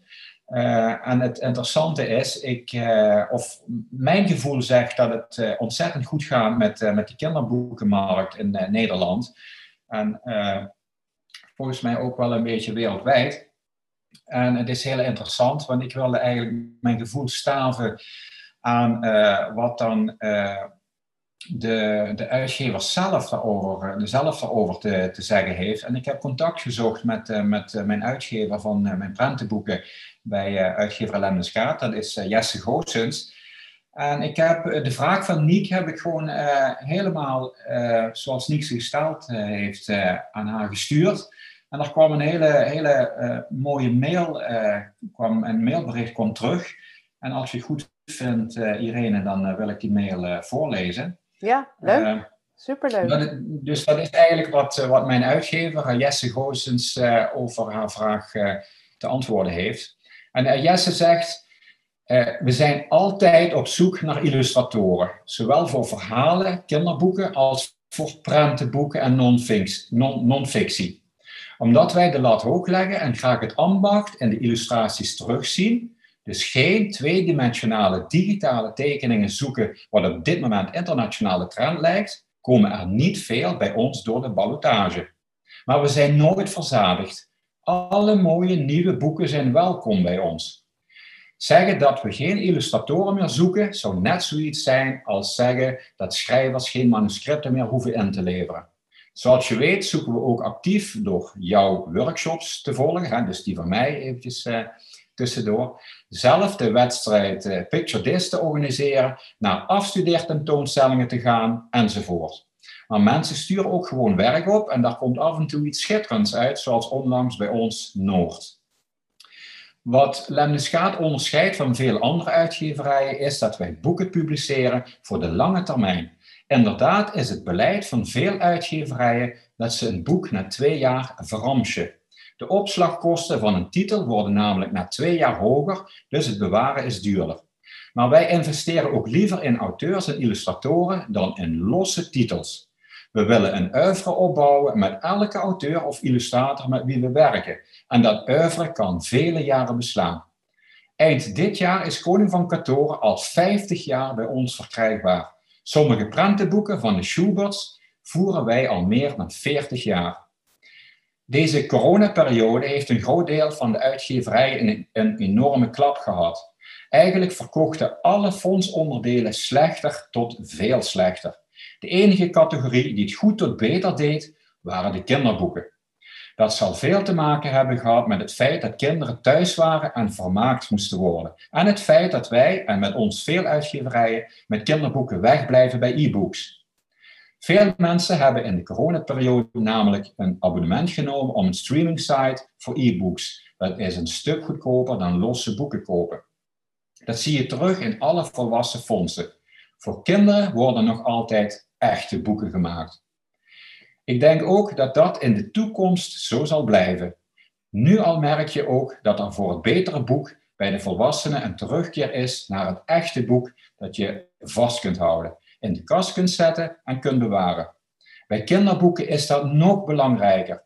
Vaker dan volwassenen lezen kinderen diezelfde boeken keer op keer. Kinderen hebben ook lievelingsboeken. Volwassenen lievelingsauteurs. En dat is echt een verschil. En ouders kopen graag mooie dingen voor hun kinderen. In ieder geval zal Lemniskaat, zolang ik uitgever ben, alleen echte kinderboeken maken. De mooiste boeken voor kinderen, zodat ze opgroeien met boeken en niet alleen met een scherm voor een neus. Nou, dat zegt ja. uh, Jesse van uh, uitgever. Uh, eh, ja, dus, Mooi. Ja, kortom, ze zijn heel streng. Ze geven de voorkeur aan analoog uitziende boeken. Dus ik zeg analoog uitziende boeken, want zij weten ook dat ik digitaal heel erg veel de boeken bewerk. Analoog uitziende boeken. Uh, en dat gaat gewoon ontzettend goed met de kinderboeken, met de kinderboekenbranche branche op dit moment. En uh, dat ziet ze ook voor de toekomst zo, zo zitten. Dus ja, ik, ik vind het een heel mooi bericht. En hoopvol, toch? Heel mooi, ja. ja. ja. Fijn. Ja. Ja. Dat geeft hoop voor de aankomende kinderboeken-illustratoren. Ja, precies. Ja. Nou, ik, ik, nou, ik moet je zeggen, ook voor mij is dat natuurlijk fijn om te lezen. Ik, eh, ik zit volledig in de kinderboeken, ik zit mm. volledig in, de, in de prentenboeken. Daar, daar moet ik eigenlijk mijn bestaan mee opbouwen. Dus stel je voor dat... Uh, dat dit eigenlijk een aflopende zaak zou zijn. Of, of dat, uh, dat uh, Jesse zou zeggen van nee, we gaan naar e-books of we gaan... Ja. Dat, daar komt ook een totaal ander uh, verdienmodel bij kijken. E-books, hè? dat is... Mm-hmm. Mensen kopen een e-book voor, weet ik veel, 2 euro of 2,50 euro. Nou ja, als we het dan gaan hebben over... over een royaltypercentage, dan, dan gaat never nooit geen 2 euro naar mij toe. Hè? Snap je? Dat, nee. dat, nee. Zo werkt het niet. Dus nee het is een heel mooi verdienmodel zoals het, uh, zoals het nu ook ligt, uh, met papieren boeken. Dus daar ben ik heel blij mee. Ja. ja. en ik snap het ook heel goed. Ik kan me ook niet voorstellen dat je je kinderen een boek van een iPad zou willen voorlezen. Nee, nee. Afgezien van uh, nee. Nee, hoe slecht dat is voor oogjes en allemaal dat. Maar, nee, we, zitten, we, zitten, natuurlijk al zoveel en het wordt steeds meer. Hè? We zitten al zoveel achter die, die schermen. En mm -hmm. ja, ik, tijdens deze coronaperiode heb ik ook, moet ik toegeven, ben ik ook zelfs nog meer uh, volwassen literatuur gaan lezen. Gewoon omdat ik denk van, ja, jezus, uh, ik zit al de hele dag achter mijn schermpje. Plus het zoomen met mensen. Hè? Ja. De vergaderingen gingen niet ja. door. Uh, dus ik, ik kan het, mijn laptop kan ik s'avonds gewoon niet meer zien. Nee, nee, en, klopt. en zo'n boek, Ja. eh, en zo'n papieren boek geeft rust. En dat, eh, dat, dat kan iedereen eh, onderkennen hier. Hè. Dat, is, eh, dat is heerlijk. Ja, ja, helemaal mee eens. Ja, mooi. Wat leuk dat, eh, dat, nou, dat Jesse hier eh, zo dit antwoord op gegeven ja, heeft. ja. Heel mooi. Ja. Nog, een, eh, nog een vraag over het, ja, het, het stappen naar een uitgever, maar dan vooral voor jou. Van, ehm, het is een- anonieme vraag die ik binnen heb gekregen. Ehm, iemand die vraagt van, heb jij ooit overwogen om naar een internationale uitgever te gaan? Ehm, Want die vraagsteller die zei van, eh, daar betalen ze veel meer dan in Nederland. Of is dat, zij, eh, nou ja, ehm, en de aanname was dat je in Nederland eh, als schrijver en illustrator, dus de combinatie, maximaal 5000 euro per boek kunt krijgen. Dus, dus 2000 of nou, 2500 als je alleen Mhm. illustreert. Of heb ik het idee meestal 1500, 2000. Ehm, En dat je bijvoorbeeld in Amerika 20.000 zou kunnen krijgen als je schrijft en illustreert. Klopt Ja. dat en heb jij die overweging wel eens gemaakt? Ja, wauw. Goh, Ja, dat is natuurlijk... eh, Kijk, als je me die worst voorhoudt van 20.000 dollar, hè, ja, daar Mhm. wordt iedereen eh, eh, blij mee natuurlijk. Hè. Dat, is, dat is natuurlijk super. Hè. Ehm, of ik dat heb ooit overwogen? Nou, eh, wat ik altijd heel erg belangrijk heb gevonden, hè, dat is dat ik, eh, dat ik vooral gelukkig ben met wat ik doe. Hè. En ik heb het gevoel, ik heb ook al eens wat opdrachten gemaakt eh, voor, voor een Engels, voor een Engels agent. En ik, ik heb opdrachten gedaan. Ik, ik, Eiland trouwens heb ik gemaakt voor een Chinese, voor een Chinese uitgever. En wat, wat eigenlijk bij Eiland is gebeurd. Hè, dus ik kreeg die opdracht van een grote Chinese uitgever. Mark, we willen een prentenboek met je maken. En dat werd Eiland. Ik had in, een clausule had ik gezet van nou oké, jullie mogen de Chinese rechten hebben. Maar ik wil met Eiland, wil ik ook nog terecht bij een Europese of bij mijn eigen uitgever. Dat was geen Mhm. probleem. Nou, wat er nu gebeurd is, ik heb eh, dat boek dus eh, getekend voor de Chinese uitgever. En eh, nou, ik krijg dus, eh, daar heb ik een royaltybedrag met eh, afgesproken. En nou, werkelijk waar, het is alsof ik dat boek over een donkere, zwarte afgrond heb gegooid. Dus die tekeningen, die heb ik over de rand gekieperd.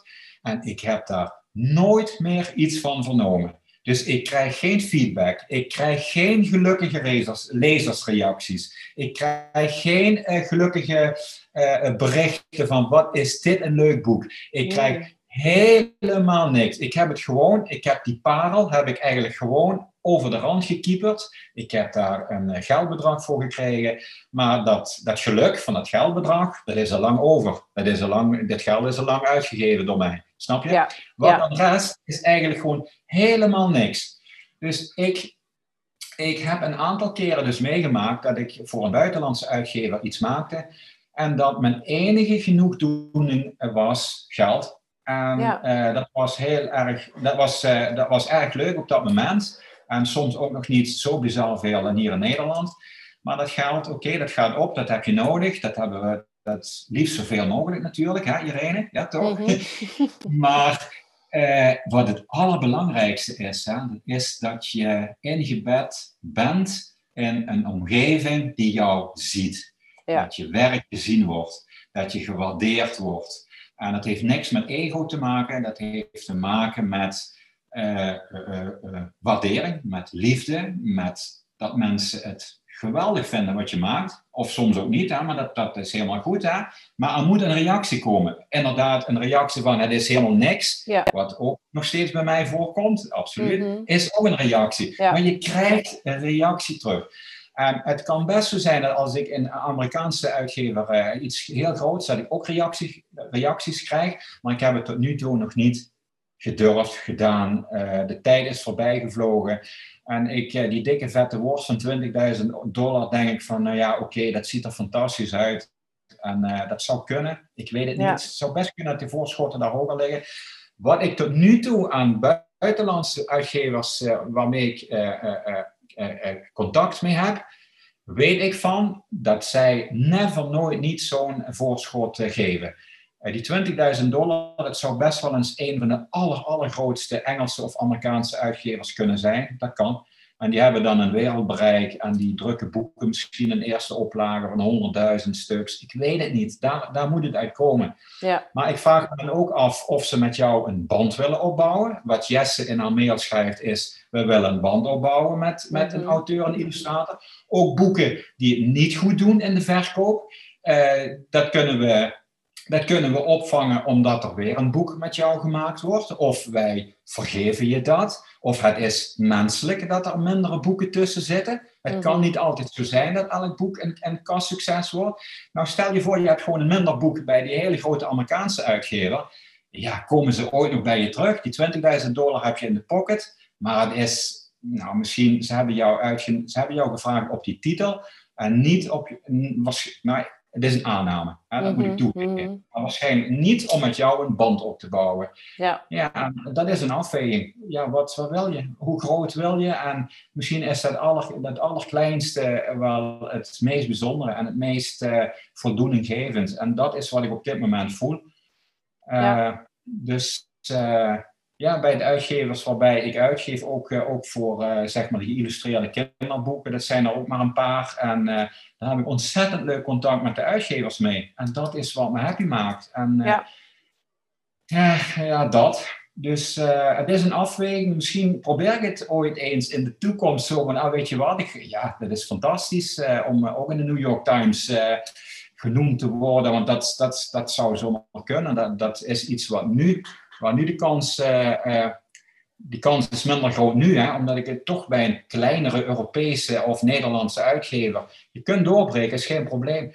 Maar Ja. die kans is waarschijnlijk groter als je bij Penguin Books of bij, eh, nou noem ze maar op, bij de hele grote uitgevers zit. Die kans, ja, die, die is dan veel groter. Ja. Ja, wat zou dat. Ik zat nog even te denken, wat je net vertelde over eiland, dat ging dan over China. Ik kan me voorstellen dat. China wat dat betreft een lastig land is. In de zin Mhm. dat zij, dat Chinezen misschien wat minder op Instagram zitten en wat minder jou taggen en zeggen: hé, hey, wat een tof boek. Ik kan me voorstellen dat het bij Amerikanen alweer anders is. Maar heb je ervaring met andere landen, met andere Europese landen bijvoorbeeld? Of... Nee, nou, mijn boeken zijn inderdaad, eh, zijn inderdaad uitgegeven in, eh, nou, volgens mij in 20, 20 talen. Ja, Eh, en met die uitgevers heb ik een min of meer heb ik daar een band mee.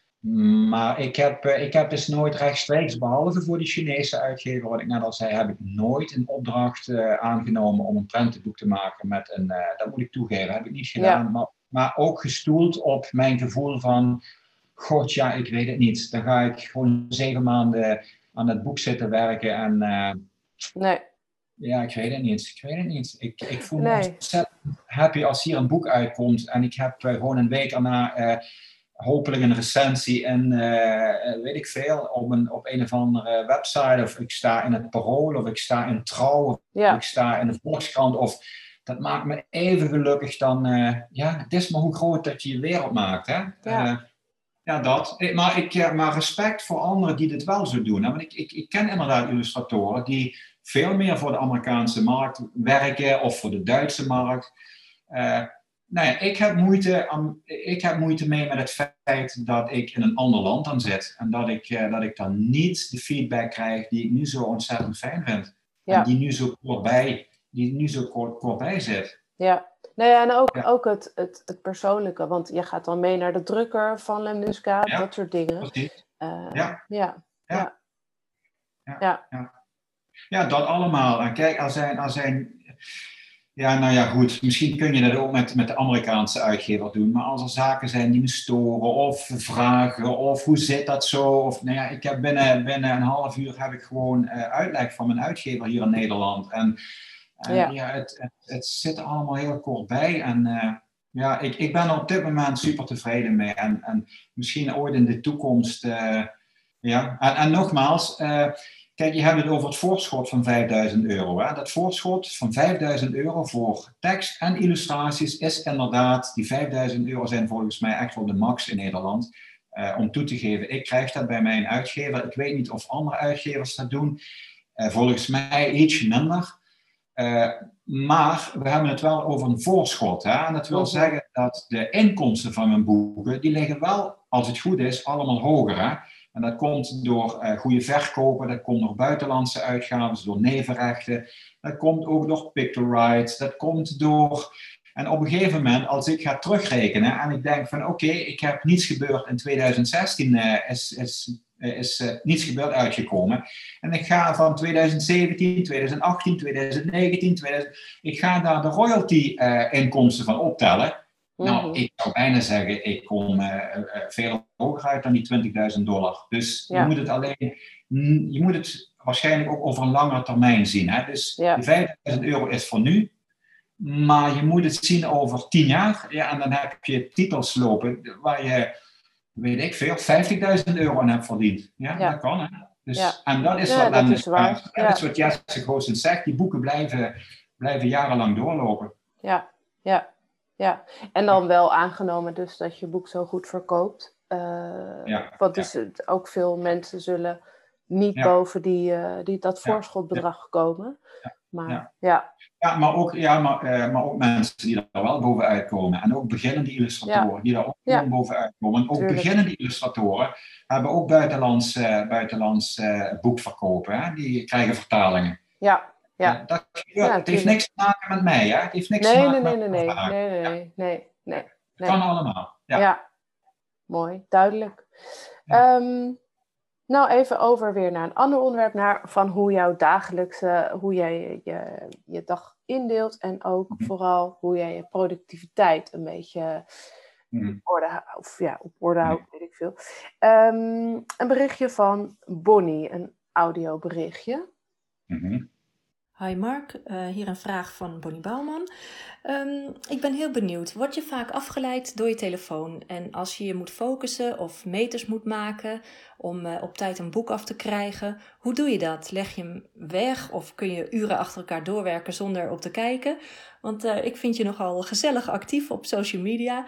En zelf eh, merk ik dat ik daar best wel een, een eh, weg in moet vinden om dat stomme apparaat af en toe eens eventjes aan de kant te leggen. Maar het is ook zo leuk om met iedereen contact te houden. Dus ik ben heel benieuwd hoe jij dat doet. Groetjes! Ja, Bonnie, ik ken Bonnie van de masterclass van, van vorig jaar. Goh, ja, eh, de, de, de, social media, ja, volgens anderen ben ik daar, en dat weet ik ook natuurlijk van mezelf, eh, ben ik daar heel erg eh, veel mee bezig. Goh, ja, ik vind het ontzettend leuk. Het is, aan de ene kant is het, is het, is het mijn winkeltje, is het een beetje mijn, mijn toko die ik, mijn, mijn etala, de etalage van mijn winkeltje is eigenlijk Instagram en, en Facebook. Facebook eigenlijk iets minder nog. Maar Instagram is eigenlijk eh, ja, is, is de etalage van mijn, van mijn winkeltje. En ik, eh, ik vind het ontzettend leuk om eh, ja, in contact te zijn met, met andere creatievelingen. En dat, nou, we weten het allemaal hoe dat werkt. Hè? Die reacties heen en weer is ontzettend interessant, internationaal ook gezien. En nou ja, de vraag van Bonnie nog gericht, hoe ik, hoe met die telefoon omga hier om een werktafel. Ehm, ja, af en toe moet ik hem met rust laten. Af en toe, eh, eh, maar het is, ja, we weten het nogmaals alle, allemaal. Het is heel interessant om af en toe te kijken wat los is. En eh, wat in dat buurthuis, wat, wat, wat, wat, wat allemaal los is. En, dus ik vind het ontzettend leuk om, om er gezellig mee bezig te zijn. Alleen je moet een beetje de balans proberen te houden. En vooral, je moet, het, je moet het leuk vinden. Als je het niet leuk vindt of het kost moeite om, om, je, om je etalage of je winkeltje bij te houden, moet je dat niet doen. Uh, het werkt ook alleen maar als je, als je er plezier in hebt. En dan kun je, dan kun je daar uh, wat langer mee doorgaan. En je, je kunt dan wat meer volgers krijgen als je dat belangrijk vindt. Um, ja, dus, dus alleen maar als je het leuk vindt, moet je daarmee bezig zijn. En, en anders moet je gewoon die, uh, dat apparaat uh, links laten liggen, toch? Uh, zo ga ik daarmee om. Ik, maar ik vind het ontzettend leuk. Ik vind het ontzettend leuk wat allemaal langskomt. En ik geloof dat er ook nog een vraag langs is gekomen of zou komen. Misschien gooien we die eruit. Maar of het niet een eenzaam beroep is. Ja, ja die wilde ik. Ja. Een eenzaam beroep. Maar ik, ik zit helemaal op mijn plek hier helemaal alleen in mijn kokon. En ik, uh, ja, ik, ik heb dat nodig om, om, om tot dat werk te komen wat ik, nu, wat ik nu heb. Ik voel me absoluut niet eenzaam. Ik heb ontzettend veel mensen om me heen. Nou ja, en gelukkig is dat, niet, is dat niet de collega die ik helemaal niet leuk vind, of is dat niet de directeur die op mijn vingers kijkt. Dus de mensen zoek ik op uh, wanneer ik dat uh, leuk vind. Ik geef de masterclass, daar kom ik mensen tegen. Ik zit in een wielerclubje, daar kom ik uh, weer totaal andere mensen tegen. En, en, en voor de rest ja, is het inderdaad ja, social media. ja, wat zich daar allemaal afspeelt, vind ik ook wel heel erg leuk om te zien. En ja, ook vooral wat andere mensen doen. Hè? hoe bijzonder het is en hoe uniek andere mensen er bezig zijn. Geniet ik ontzettend van. Ja. En, ja, dat vind ik heel leuk. Heel leuk. Ja, en heb je dan dat je zegt van ik mag uh, zoveel tijd per dag of alleen dan tot dan? Of, of gaat het allemaal lekker door elkaar? Nee, uh, is uh, ook, ook mijn, mijn dagindeling.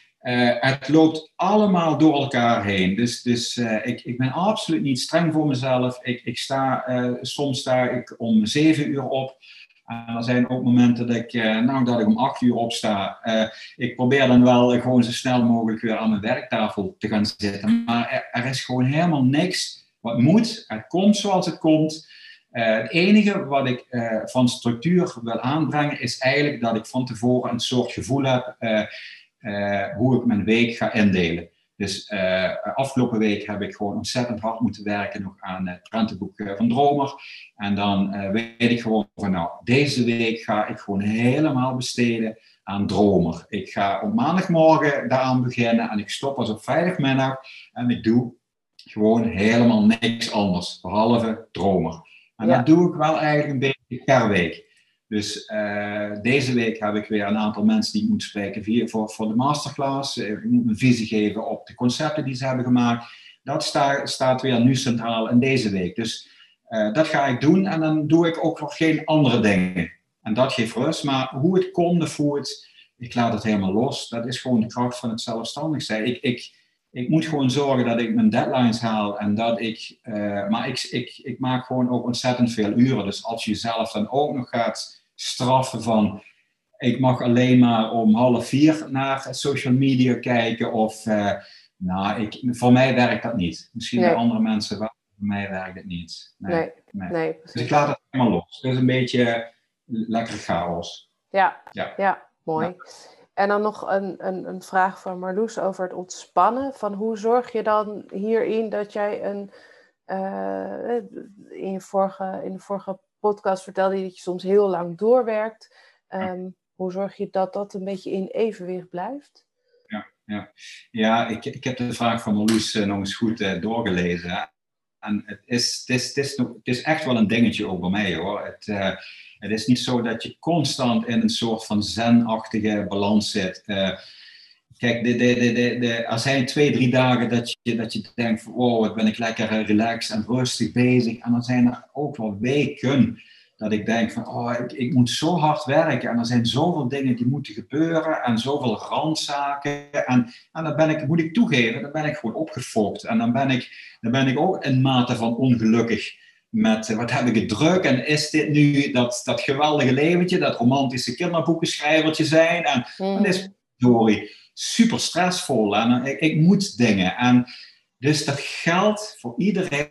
Dat blijft een struggle uh, voor Marloes, maar ook voor mij. Uh, ja, wat kun je daartegen doen? Zorgen dat je blijft terugvallen op een aantal zaken waarvan dat je weet dat ze je goed doen. Voor mij is dat uh, naar buiten gaan, dat is fietsen.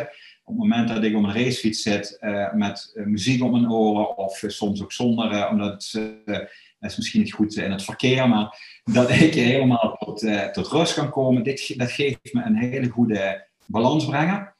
Uh, en dat moet ik blijven doen. Dus ook op momenten dat ik het zo ontzettend druk heb, en dat is heel moeilijk, dat weet ik, dat ik dan toch een uurtje of twee uur ga fietsen en dan kom ik terug en ik denk, oh man, waarom had ik dat toch wel niet eerder gedaan? Ik heb het zo nodig.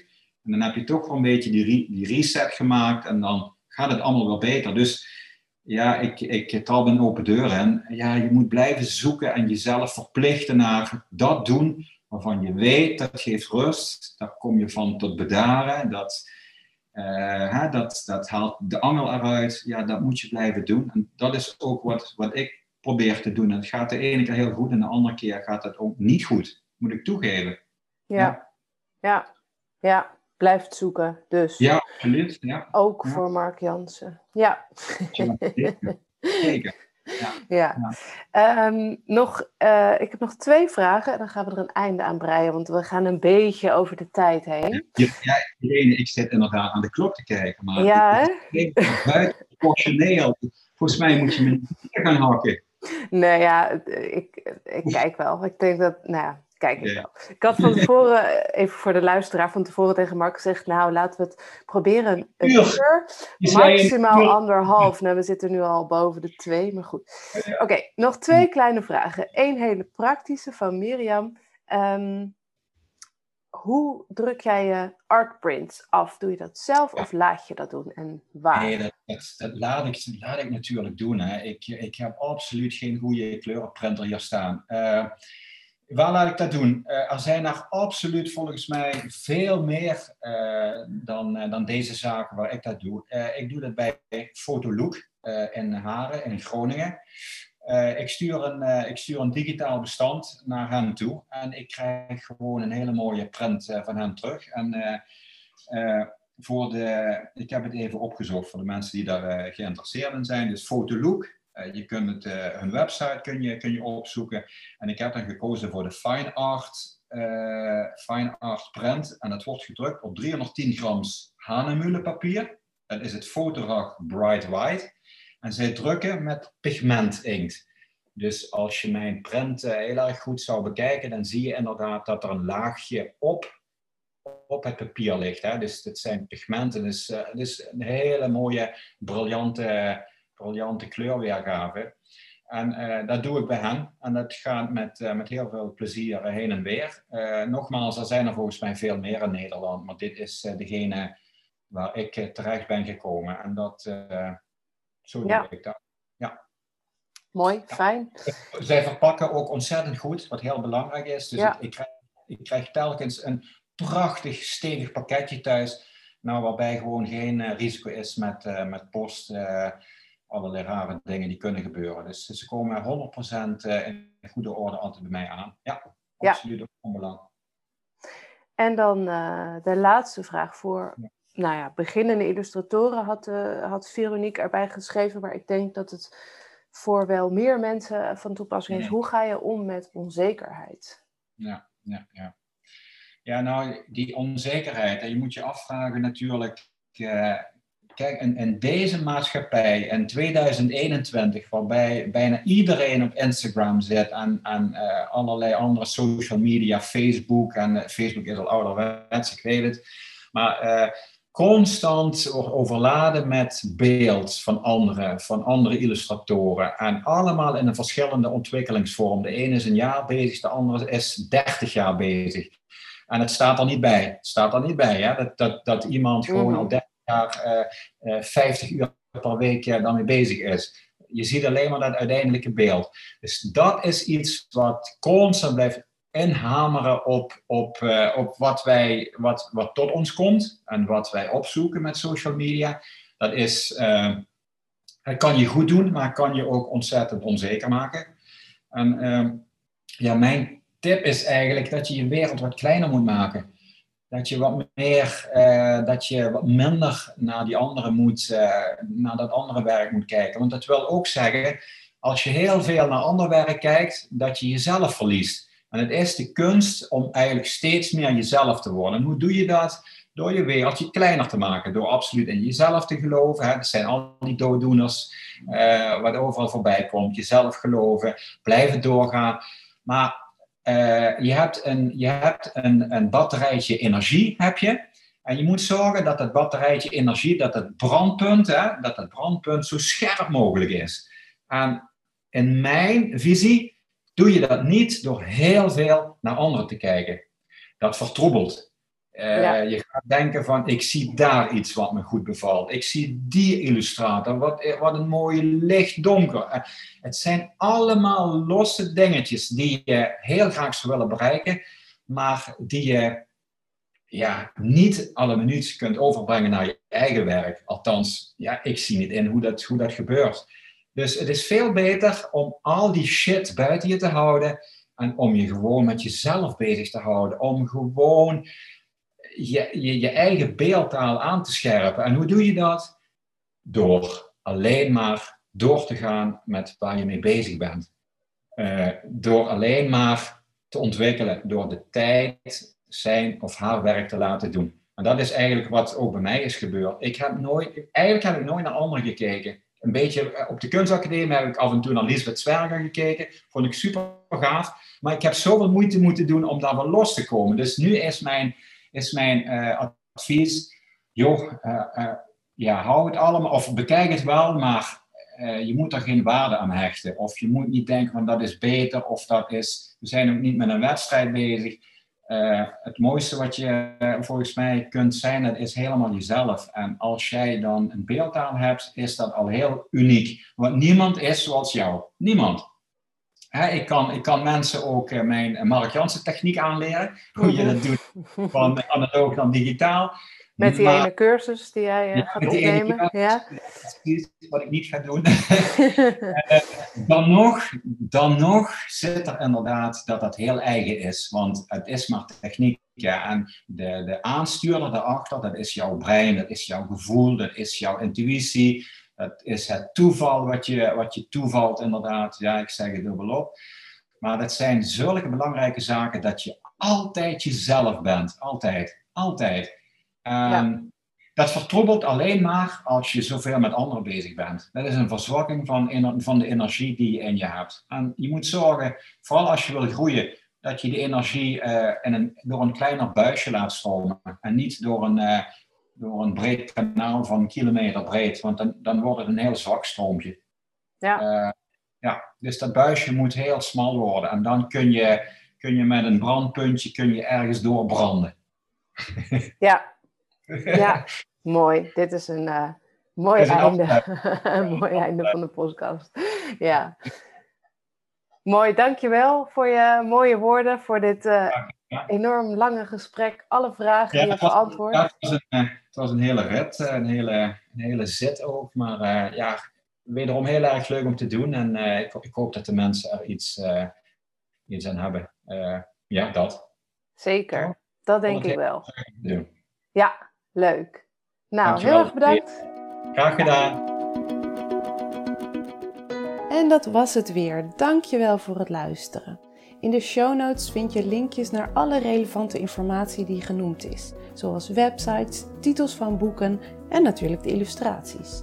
Ga naar www.irenececiel.com podcast en dan Cecile is met C-E-C-I-L-E en klik op de titel van deze aflevering.